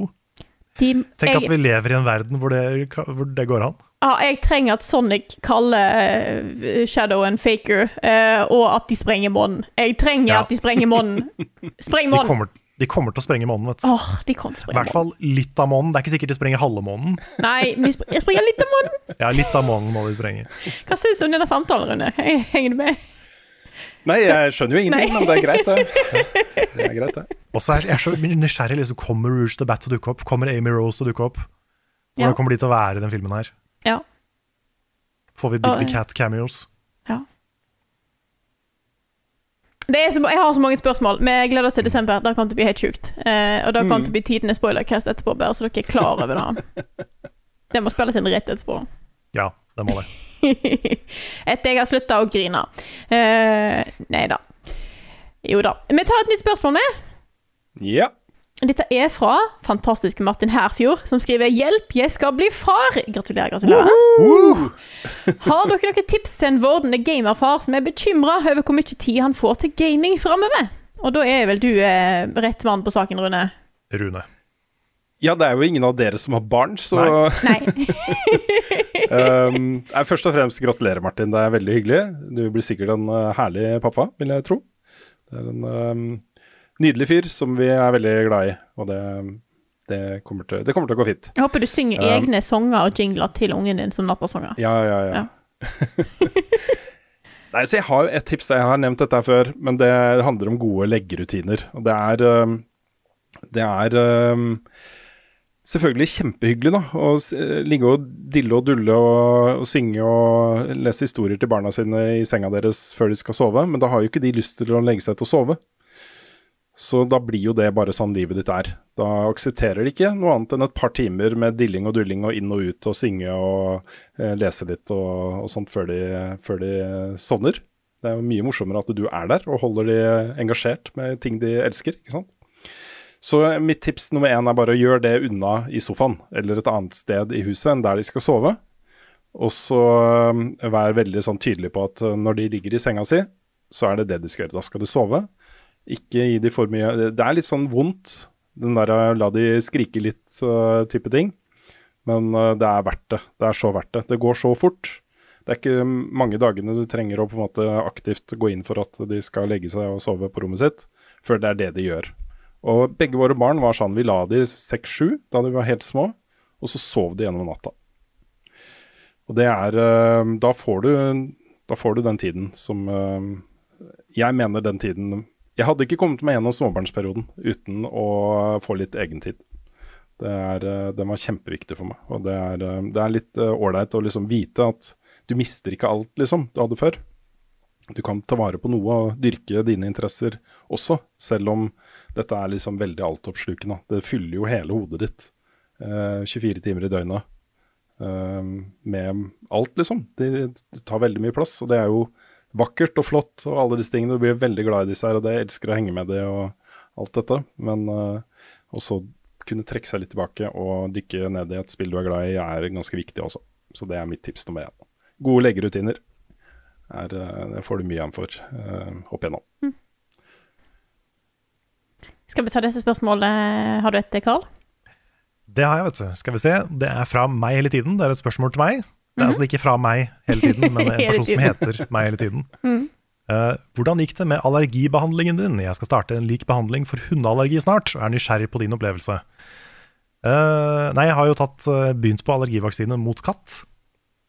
Og det første jeg vil si, er at det er veldig vanskelig å starte på det. Fordi jeg var hos flere allergileger som ikke hadde hørt om det engang. Uh, også hos noen som tenkte at dette kommer du ikke til å få, for det er en lang prosess for å få mulighet til å ta det. Men hvis du har kollegaer eller foreldre eller barn som har katt eller hund, så får du lov å begynne på det. Og jeg har jo ikke foreldre med kjæledyr, men jeg har jo kollegaer. Ja da. Så jeg fikk lov, fordi jeg har dere som kollegaer, faktisk, så fikk jeg lov å begynne på kattevaksine. Veldig bra. Ja. Nick hadde katt, vet du, og Frida har katt. Ja, ja. Um, så eh, jeg kom inn på lista til slutt. Jeg har gått på det nå i ca. et år. Og jeg har vært forsiktig med å henge for mye med, med katter det året. Så jeg kan ikke si 100% hvor bra det har funka, men det har hatt en effekt. Jeg har vært på besøk hos kjæresten min og vært ganske oppi de kattene. Og jeg kjenner jo at jeg blir litt sånn trøtt og snufsete etter hvert. Og det er jo kattehår literally overalt. ja det, er, bruker- det er bare sånn det er. Jeg bruker jo sånn klesrull på når jeg kommer hjem og sånn. Men det har hjulpet. Jeg er bedre nå enn jeg var. Og jeg håper jo, for det, dette er jo en treårsperiode du må gå, gå på det. Så jeg håper jo at det blir så borte som overhodet mulig når jeg er ferdig. Krysser fingrene. Men så langt så er jeg positiv, i hvert fall. Bare vær bevisst på at de, de sprøytene må du ta først. Hvis du får samme som meg, så er det først, tror jeg, hver uke i åtte uker. Og så annenhver måned etter det. Og de dagene du tar den sprøyta, så kommer du til å bli ganske sliten. Ganske slått ut. Så bare vær, ikke, ikke planlegg altfor mye de dagene du tar sprøyta. For da er det ikke sikkert du orker det. Så det er eh, basically det, tror jeg. Men jeg, jeg tror det funker. Så bra. Det er kjekt å høre. Mm. Rune, har du et spørsmål på lista? Eh, ja, jeg har det. Jeg har et jeg har lyst til å svare veldig kjapt på, og så et, et, et til. um, eh, det kjappe er fra Silocoid. Um, nå som du har, har hatt Edge-kontrolleren en stund, var den verdt pengene? Har vurdert å kjøpe en selv, men er litt redd for at jeg bare betaler flere tusen for en kontroller som gjør akkurat samme jobb som en vanlig kontroller. Og Det korte svaret på det er at nei, det er ikke verdt det. Jeg, jeg bruker den faktisk ikke. Jeg foretrekker å bruke den andre. Um, jeg vil si at hvis du spiller kompetitivt uh, og uh, er veldig Det er det du gjør, liksom. Du spiller Warzone eller du spiller CS eller et eller annet som er kompetitivt, så kan det nok være verdt å investere i det, for du får noen ekstra knapper, og det har en del å si. Men uh, skal du bare spille casual, som jeg gjør, så er det definitivt ikke verdt det. Eh, så ja. Eh, også en litt eh, lengre en, som jeg mm, også bare har lyst til å svare kort på, da. Eh, fra Fjøsnissen på Discord-serveren vår. Uh, helt siden Elden kom, så har det vært mye snakk om hvordan det kom til å endre fremtidige åpen verdensspill. Uh, og vi så den samme spillfilosofien i Tears of the Kingdom. Uh, Tears of the Kingdom ble fra lansering sammenlignet mye med Elden og dere var ikke sikre på hvilket av spillene dere likte best. På høsten kom Cyberpunk ut. Der kommer den igjen, vet du. Kommer den igjen. Eh, og dere var ikke eh, og, og spesielt Rune var veldig begeistra, selv om det hadde, eh, og har, mye ikoner på kartet. Cyberpunk ble også sammenlignet med både Zelda og Elden Ring. Det har ikke jeg sett, men ok. Så jeg lurer på hvordan dere ville rangert de tre spillene. I tillegg så lurer jeg på hvordan Cyberpunk, Phantom Liberty og 2.0-oppdateringen har endret deres forventninger til de neste spillene til CD Project Red. Og jeg vil jo si da først og fremst at jeg vil ikke personlig plassere Cyberpunk i samme åpen åpen verden-kategori som Elden Ring og Tears of the Kingdom. Um, Cyberpunk er et mye mer uh, drevet av historie, historiefortelling. Både i hovedhistorien, men også i de forskjellige sidequestene. Så det at det er en åpen verden, er mer for å gi deg en følelse av å være i en større setting. Uh, men det er historieøyeblikkene, dialogen, rollefigurene, eh, vendingene i historien um, osv. Og setpiecene, da, ikke minst. Er Stedene du besøker, som, um, som um, er cyberpunk for meg. Um, jeg eh, mener det er to forskjellige spillopplevelser. Selv om begge har åpen verden, så, og du kan utforske de fritt og sånt, så, så er det to helt forskjellige opplevelser. Så, så da vil jeg bare si at uh, sammenligna med historiefortellinga i Elden Ring f.eks., så er det jo to vidt forskjellige verdener. Vidt forskjellige. Det er mer sånn hint til ting, og du må gjette, og du må lese eh, itembeskrivelser og, og, og masse greier. Um, mens i Cyberpunk så er- fortelles historien til deg, og så kan du gjøre valg, da, um, som påvirker den. Så, um, så det, det var det svaret på det. Men jeg har jo forventningene mine til det som kommer nå fra CD Project Red, har jo skutt i været for min del. Og de har jo tre spill under arbeid. Du har et nytt, nå husker jeg ikke hva det heter i farta. Men de har oppretta et nytt studio med masse veteraner da, fra The Witcher og Cyberpunk, som skal lage et nytt dark fantasy-spill. som er helt nytt. Ikke Witcher, ikke Cyberpunk. Uh, du har et eget team som jobber med Cyberpunk eh, 2, eller 2078, eller hva det kommer til å hete. Og så har du selvfølgelig et eget team som jobber med The Witcher 4. Og alle de tre spillene står helt oppe i sånn topp 10, topp fem for meg nå, altså. Det er eh, ja, blitt veldig, veldig, veldig glad i, i Cyberpunk. Så jepp. Cool. Jeg Nice, nice. Eh, har ikke spilt Cyberpunk, så jeg kan ikke rangere de, siden det var snakk om å gjøre det. Nei, uh, samme her. Jeg har, eh, det er neste jeg skal spille, men jeg har ikke spilt på det, begynt, begynt å spille det ennå. Men uh, jeg har tenkt en del på Elden Ring og Tears of the Kingdom i jula, for jeg spilte Det sa jeg ikke i stad, men jeg har også spilt uh, gjennom på nytt halvparten av Tears of the Kingdom Oi! i juleferien. Ja. Jeg tror det er over Elden Ring for meg. Altså. Jeg har blitt så forelska i det spillet, i det spilldesignet. Jeg, jeg, jeg syns liksom helt oppriktig at eh, det er et av tidenes aller, aller beste spill. ja, men det er det- så jæklig bra. Mm. Og det, det er jo Elden Ring også, men jeg, jeg tror jeg har Tears hakket over. Jeg har blitt eh, helt sikker på at jeg har Elden Ring over eh, i ettertid. Eh, men det er, det er jo helt riktig som Fjøsnissen skriver, liksom. De gir litt den samme viben. Mm. At dette er en verden du gjør til din egen, via din egen innsats og hva du velger å prioritere og sånt. hvordan du spiller da. Så, og ikke minst det at kartet ikke er fylt av ikoner. Du skal liksom finne ut av de greiene sjøl. Mm. Så de har den samme viben, men jeg foretrekker Elden Ring. Jeg gjør det. Skal vi ta et siste spørsmål før vi runder av? Hvis det Ja. er et siste, så er, har jeg lyst til å ta det. Ja.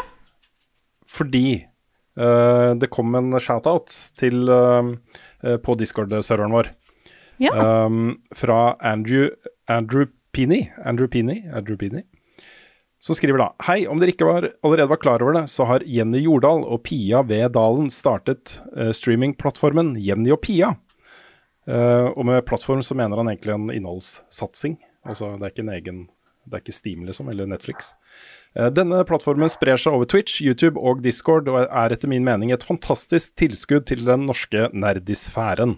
Så vidt jeg har fått med har dere ikke nevnt dette i podkasten tidligere, så jeg lurte på om dere i Level Up kanskje ville gi dem en shout-out. Og Jeg benyttet anledningen til å sjekke ut hva Jenny og Pia er for noe, og dette er veldig bra greier, også. Um, det er jo da to kvinner som snakker om nerdeting. eh, Spill og TV og film og alt mulig rart. Eh, Og de er eh, veldig flinke. Veldig, veldig flinke. Så sjekk ut Jenny og Pia på YouTube eller Twitch. Så ligger det masse innhold der allerede, og det er veldig sjarmerende og veldig kvalitet. Så ønsker de hjertelig velkommen til, til vår verden. Kjekt når det er nye aktører inn i, inn i bransjen. Det er stas. Helt enig. Det er kjempebra. Skal vi ta en runde av det, da? Det. Dette er podkasten Level Backup utgitt av moderne media. Låten i introen og outroen er skrevet av Ole Sønnik Larsen og arrangert og framført av Kyoshu Orkestra. Og vignettene er lagd av eh, snart småbarnsfar, fantastiske Martin Herfjord. Innholdet vårt da finner du på youtube.com slash levelupnord og twitch.tv slash levelupnord. Der finner du òg opptak. Og eh, på YouTube eh, litt sånn highlights eh, så langt, og eh, andre opptak av den fantastiske Twitch eh, eh, Patreon-streamen vi hadde nå i helga. Vi streama fredag, lørdag, søndag og mandag eh, fra klokka fem til midnatt. Masse bra ting. Hvis ikke du har sett det, så ligger det i opptak på Twitch. Sjekk lukta, folkens. Eh, og hvis du har lyst til å støtte oss på Patreon, eh, så er det bare å gå på patreon.com slash levelupnorge. For nå som er indie, så er situasjonen økonomisk litt mer usikker, og vi vi kunne ikke klart oss uten dere som støtter oss der. Det hadde ikke vært noe level up nå uten dere. Og eh, det Det er er mer sant enn noen gang Ja, nå, altså. Det og det er er så kjekt uh, å se at folk fortsatt er interessert i å støtte innholdet vårt, og at vi fikk opp i løpet litt i løpet av he- helga som var. Tusen takk, alle sammen. Det, er, det betyr enormt mye, og vi er veldig, veldig glad for å kunne fortsette nå på egne bein igjen. Igjen. igjen. Eh, så takk til alle som støtter oss på Patron. Til apropos, mm? det nevne at vi er under 400 dollar unna en ny ukentlig podkast. Så hvis du, har, hvis du har flere podcaster fra Level Up i uka, så er det ikke, det er ikke langt til det målet. Nei? Det er ikke det. Ja. Jeg vil jo oppfordre folk da, som, eh, som uh, hører på podkasten fast og syns det er hyggelig, til å vurdere. Uh, 69 kroner f.eks. i måneden er jo et eh, fint beløp. Et nytt beløp. Nice beløp. Ja, Det kan er, det er ikke mye som skal til. Det er mange som skal til før, eh, før vi har muligheten til å betale. Da. Frida, det hun fortjener, og Nick og frilanserne våre, og lønn til oss selv og, og sånt. Det er, koster penger å drive level up. Det, er- sånn er det bare. Og um, ja. Mm. Det um, Vi setter veldig, veldig pris på de som, de som uh, gjør det mulig da, for oss å holde på. Og det er, det er ikke noen det er ikke noen selvfølge at vi skal eksistere. Det, det tar jeg ikke for gitt i det hele tatt. Eh, og det, det Hvis det er det som blir tilfellet, så er det jo sånn det blir, da. Men eh, jeg håper jo at vi får fortsette med dette kjempelenge. Jeg syns vi har mye, mye på hjertet og mye å bidra med eh, i mange år framover. Absolutt. Så var det en skikkelig opptur i helga. Å å streame for så mye folk som var gira, og hyggelig, god stemning i chatten. Og vi eh, fikk inn flere backere, og det var bare good times. Så Fikk inn veldig- fanart og memes og Ja, ja. Det var en oppløftende opplevelse. Som Absolutt. Mm. Og så er det mange nye folk som har hoppa inn på discorden vår, så det er hyggelig community der på discord.gg slash levelupnorge. Så gjør gjerne det hvis du har lyst til å få med deg det som skjer. Det er mye gode diskusjoner og eh, ting som skjer der inne. Og med det så sier jeg takk for denne uka her. Og så fortsetter vi utover i året vet du, med jevnlige podkaster og bare fortsatt spillkos. Så da gjør vi det. Vi snakkes igjen neste uke.